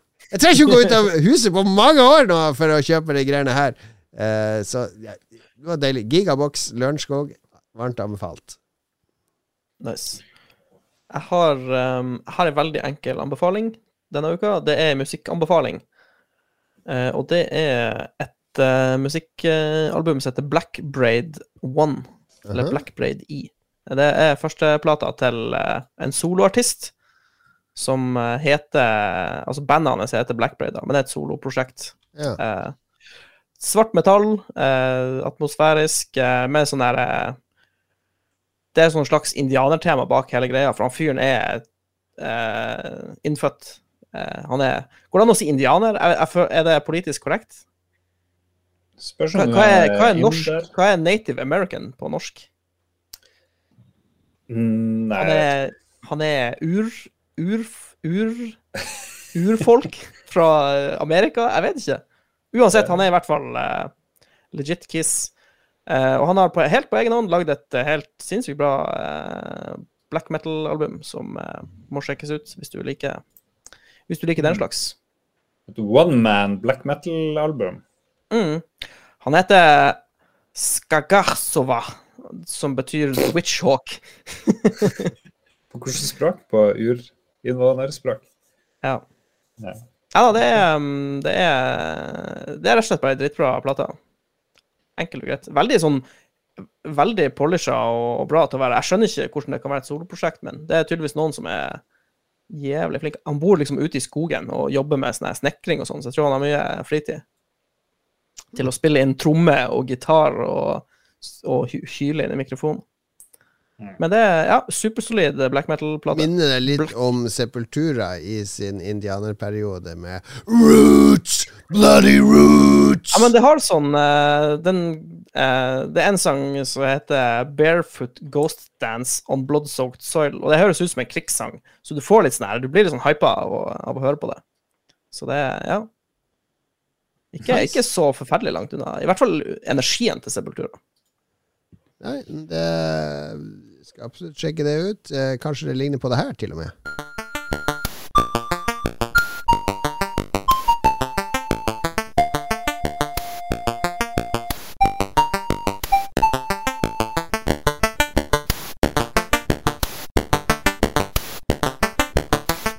Vi snakker Spy vs. Spy, eh, nok et klassisk spill fra 1984. Husker dere det?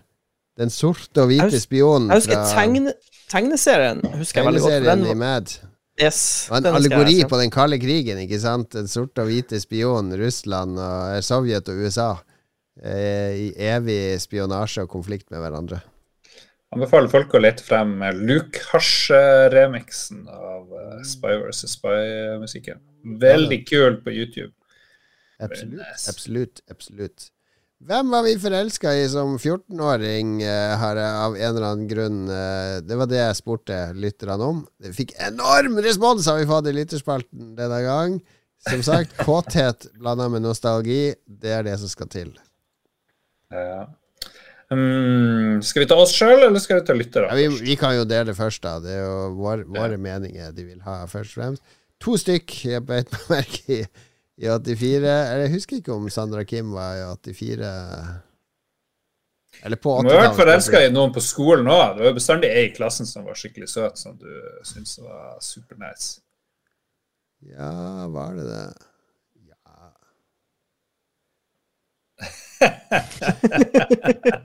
Nei, jeg hadde- Var det det? Samantha Fox var selvfølgelig min, eh, min flamme på 80-tallet. Og Sandra Kim, den belgiske Melodi Grand Prix-vinneren. Mm. Sandra Kim, faktisk. Ok, Mats, hadde du noen i klassen? Uh, vi må til uh, Ja, det var sikkert noen i klassen, men uh, de i klassen kan ikke måle seg mot eh, den her dama som du kunne se på TV2 eh, på, på X-Files. Vi måtte til 1995, eh, når han Mats var 14 år. Eh, og ja um, Gillian Anderson, rett og slett. Det var, jeg, hadde, jeg var hodestups forelska i Agent Scully. Drømte Ja. du om at det var Fox Mulder som eh, Jeg var litt misunnelig på han uh, Mulder, må jeg innrømme. Ja. Nei, jeg, hadde- jeg syns hun var eh, veldig Altså, hun var liksom ikke bare var hun pen, men hun var smart og fornuftig, og ja, det var så mange gode verdier på, én person. for det, som kåt 14-åring.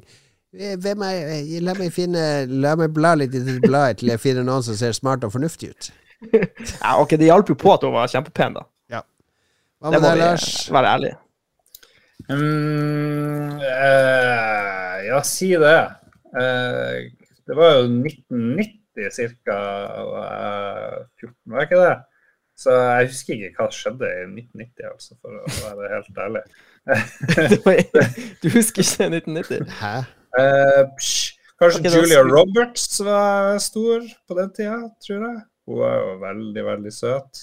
Så ja. Men det, de jeg var ordentlig forelska i og brydde meg om, det var jo de i klassen, liksom. Men jeg husker ikke navnet på noen av de, men det var jo bestandig noen sånne der, eh, Men det som var greia med oss Særlig at du gutta ikke boys husker navnet.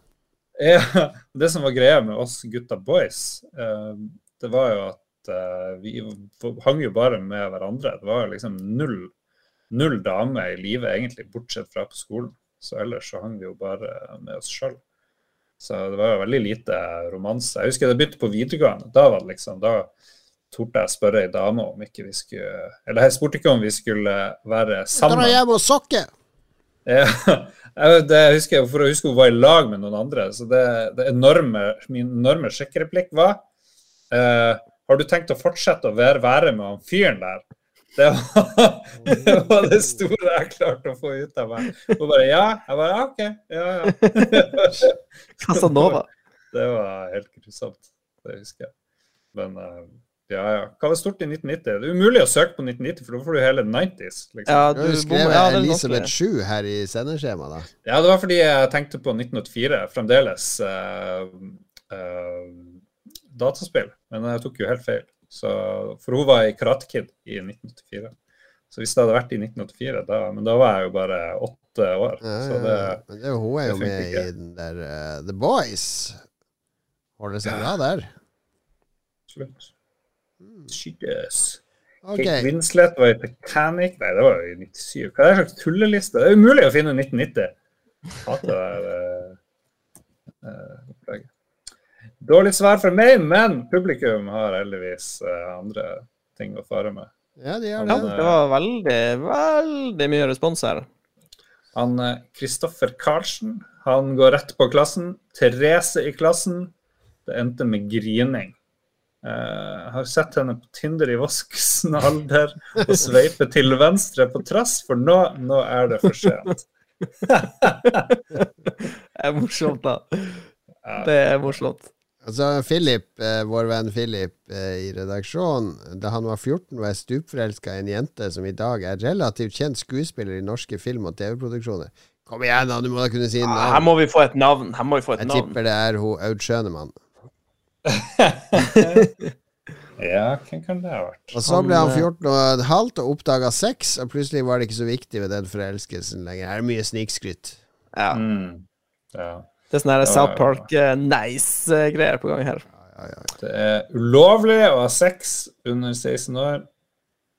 Med mindre Nei, la oss ikke gå dit. OK, han Sten Pedersen uh, syns hun Jennifer Beals fra Flashdance var the shit når han var 14. Mm. Ja, hun var jo Mm, the shit. Det, er- det er jo den første Er det ikke den første Simpson-Bruckheimer-filmen?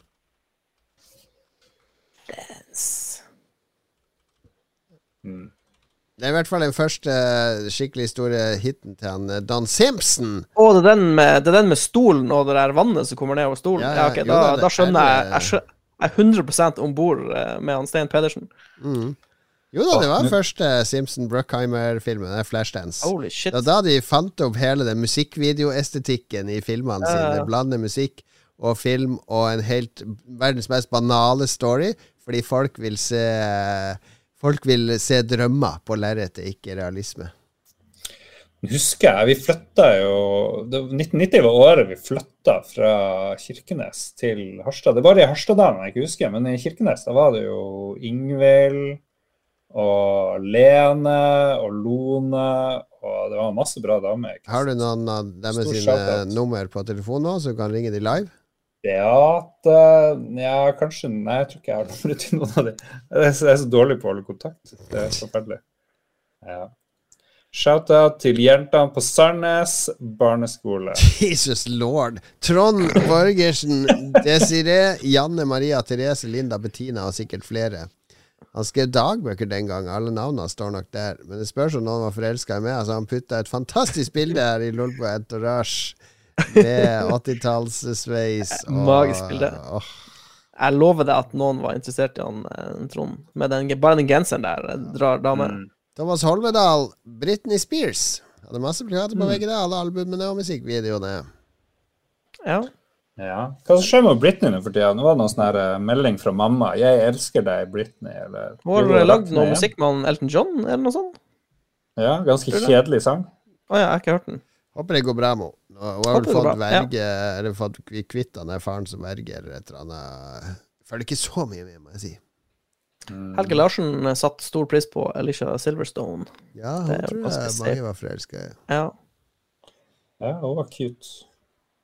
Da kommer han Philip tilbake igjen. Han bare name, begynner å name-droppe masse celebs. Sarah Michelle Gellar, Kelly Brook, Eh, Shatterin Zeta-Jones. Skal ikke være Catherine. Jennifer Aniston, Carmen Electra får stoppe på topp fem. Litt sånn klassisk i skjønnhet her. Ja. Hvem var ikke forelska i Sarah Michelle Gellar, liksom? Det- Og Buffy. Mm. Åh, Buffy. Nei, hun herja, så var jeg jo mer forelska i f.eks. Bjørk. Tida. Ja. Jeg husker tidlig Bjørk. Debut-Bjørk. Jeg savner, jeg savner Winona Ryder her. Ja Hun var jo kjempesøt. An Andreas Armando Bjerkeng eh, eh, sier at Emma Bunton Oh. Det er jo Oh. hun Baby Ja. Spice. Og hun Er det hun som jo- er gift med han uh, Horner nå? Nei, Nei, nei, det Nei. er hun eh, Jerry Halliwell. det er jo Jerry Halliwell som var det. jeg har ikke kontroll på eh, Spice Girlsen. Mm.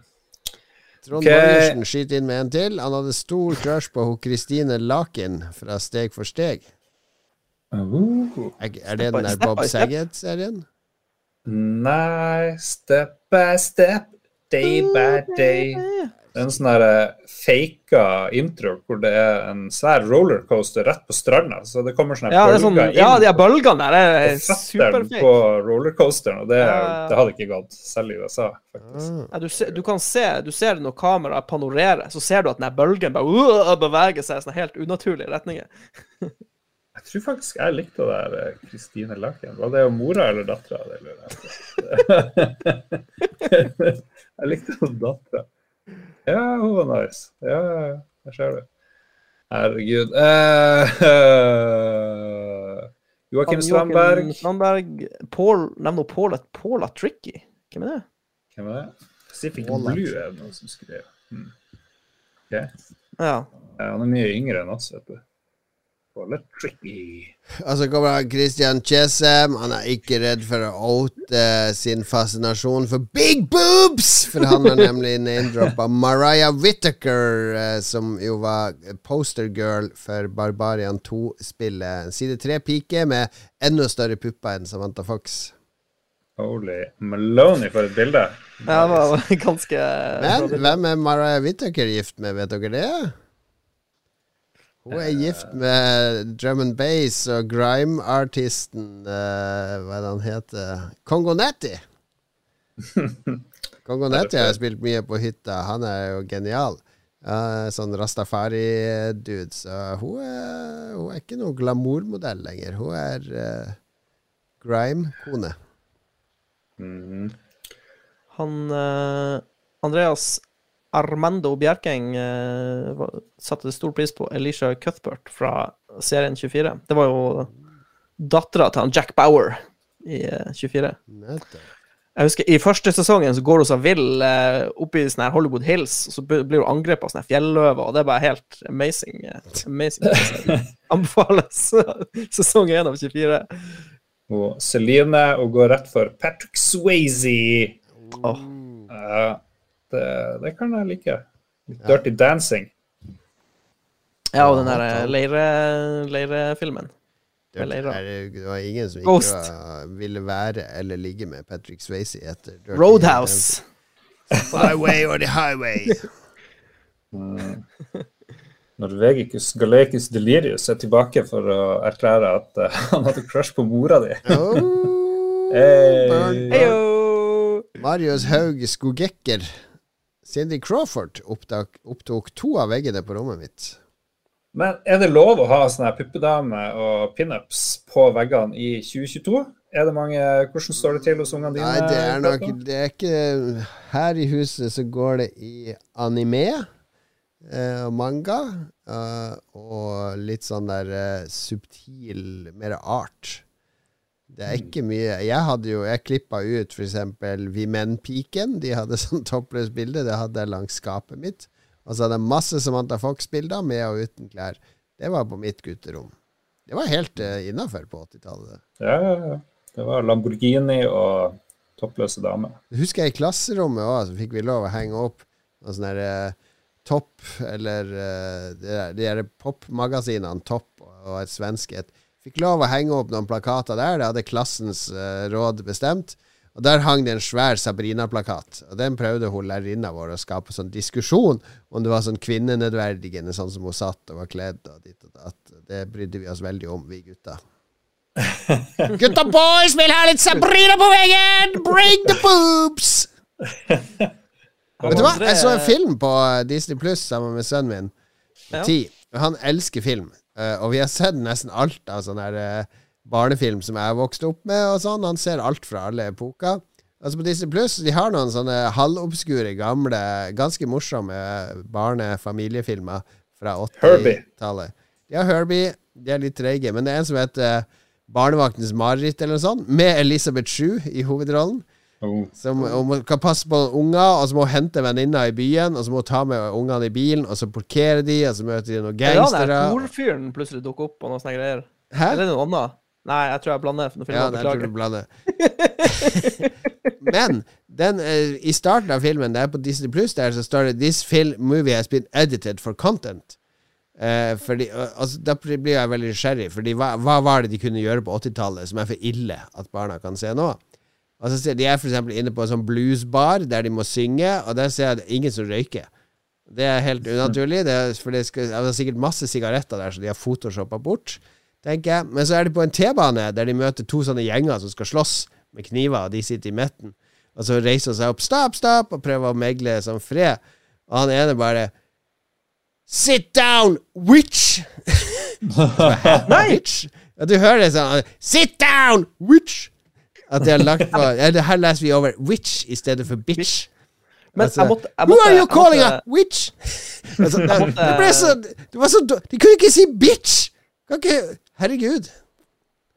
jeg, må, jeg måtte bare kjapt ut, for jeg er ganske sikker på at jeg ikke blanda. Det, det er Adventures in Babysitting vi snakker om. Ja, ja, ja. Ja, ja, det er han der, han med den røde capsen og det lange, blonde håret. Han er mekanikeren. Så dukker opp han Vincent Don Donofrio. ja Dukker opp. Det er. Det er jo Han ser jo ut som han Thor i, i filmen. Ja. Hun Ja. lille jenta, hennes helt er jo Thor Yes. i filmen, så hun går kledd Yes, som Thor yes, hele filmen. Det, var, det, var, det var det jeg mente. Ok, men Det var en så- avsporing. Men jeg ble så sjokkert over at Disney faktisk har brukt tid og penger og ressurser på å photoshoppe bort røyka og dubbe om bitch til witch og, og sånn. Jeg ble provosert, rett og slett. Ja. Jeg forstår. André Vollan han har bare posta en diger gif av Samantha Fox. Åh, det, det kan jeg like. Det setter pris på. Ja. Gift med en norsk dame, eller kan en Ja, hun er gift, bor i Norge.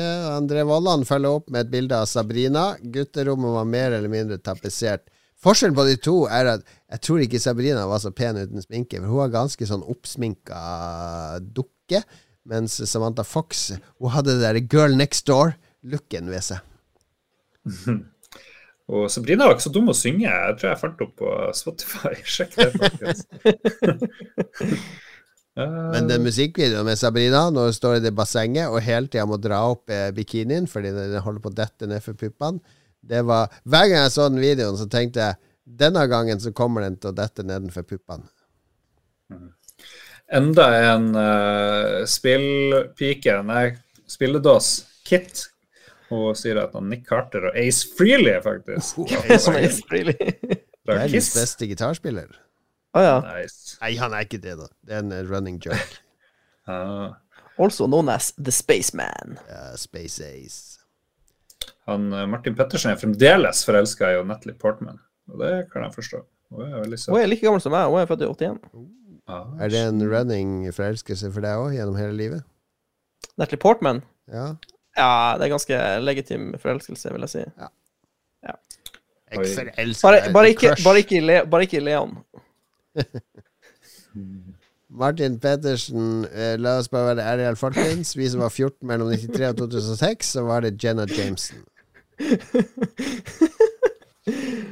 Ja, har vært eh, kjennskap, Jeg har kjennskap til denne personen. porn alert. Han Tom eh, Jørgen Bastiansen eh, vil gjerne trekke fram Alys- Alyssa Milano fra serien Charmed. Mm ikke. Lett, sier han. Lett! Ja. Morten Josdal trekker fram Vinnie Cooper. Hvem nå det er? Vinnie Cooper fra The Wonder Years. Nå Må jo googles. Det var med han der kid, han der brun Han, han som ligner litt på han Karate Kid-ungen. Hun heter Danica May McKellar. Fred, Sav Fred Savage. født 75. Og så kommer det jo en eh, stor høydere her som jeg hadde glemt. eh, Bandet Transvision Vamp og Wendy James. Oh. Den, og den musikkvideoen den var erotisk med den der I don't want your money, honey. I want your love. Akkurat som hun sa det. Hun var er født i 1966, folkens. Oh my god. I know. She, she old. Nei, Ingvild.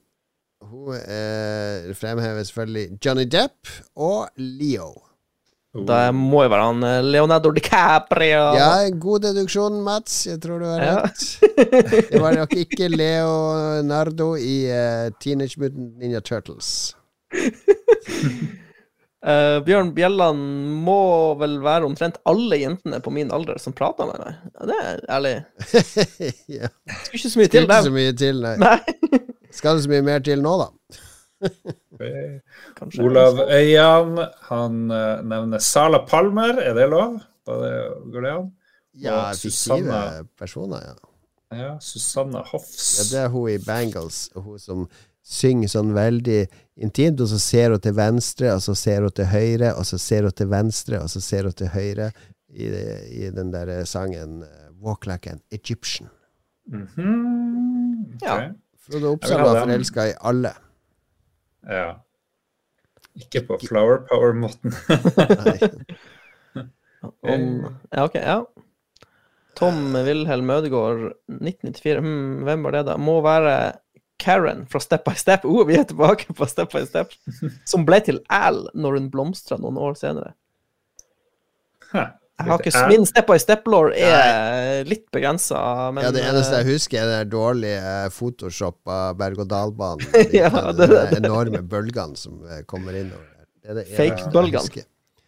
Thomas Bugge har Trine, Line, Kine og Karoline. ja, han er veldig glad i bokstaven NE. Ja, ja, ja. ja. Det er som et jodski-rim som eh, som Kristoffer Carlsen kommenterer her. Uh, Markus Stormdals. Storm Dals, jeg uh, var begeistra for alle damene i Twin Peaks. Oh yes! Den uh! de, Det var eh, det, var en bukett med damer Ja, som man kunne meg, det er meg sant. være fascinert av. Og så i den ramma òg, da, for ikke sant? det var jo ikke noe sånn high school-film eller Saved by the Bell eller Step by Step. Det var i en sånn David Lynchiansk eh, horrorramme, der den ene pene dama etter den andre dukka opp og eh, ikke bare var en kulisse, men var sentrale aktører. Men alle hadde jo den der en sånn 50-tallsaktig, eller jeg vet ikke hvilket tiår, men litt sånn klassisk. Ja, de har den der naive americana-stilen til, til David Lynch. Den der uh, picket fence eh, Altså, ja, det er en litt sånn ubeskrivelig, eh, nostalgisk versjon av USA. Absolutt. Mm. All hail Twin Peaks ladies. Oh og Audrey yes. Horne. Og Audrey Horn hadde jeg bilder av på veggen, faktisk. Det husker jeg. Og han Jesper Nikkelsen, Niklasen Nikkelsen, han husker best DVD-en. Han husker ikke best, han var forelska i DVD. Han var forelska i han forelska i DVD-en. Det er en ærlig sak, det. Helt ærlig, det.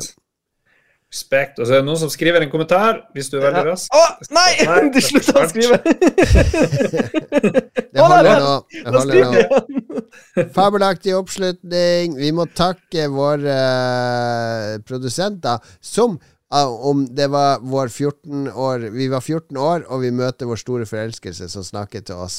Så sett i gang, Lars. Og hei, Tete MXMP, har du lyst til å slå opp med dama di? Nei. Uh, Hei, Kenneth Koppelkarat 4, Hva gjør du etter skolen i dag? Uh, Duke Jarlsberg, jeg slår og lugger deg. Bjørn Bjelland, hva syns du om uh, flyet fra andre verdenskrig? Alltid Magnus, skal vi se på porno sammen?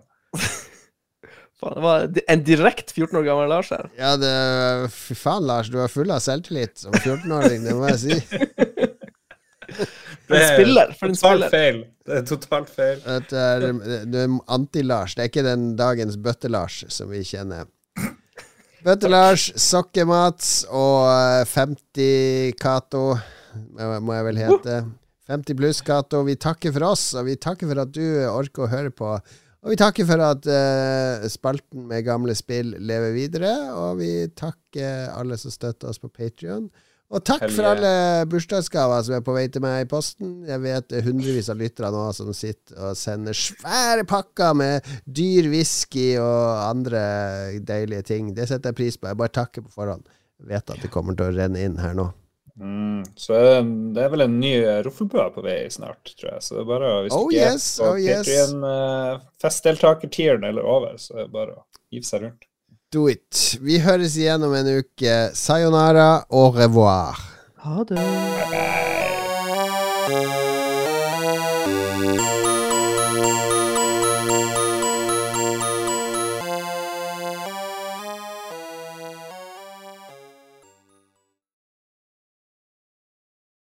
Har du et enkeltpersonforetak eller en liten bedrift?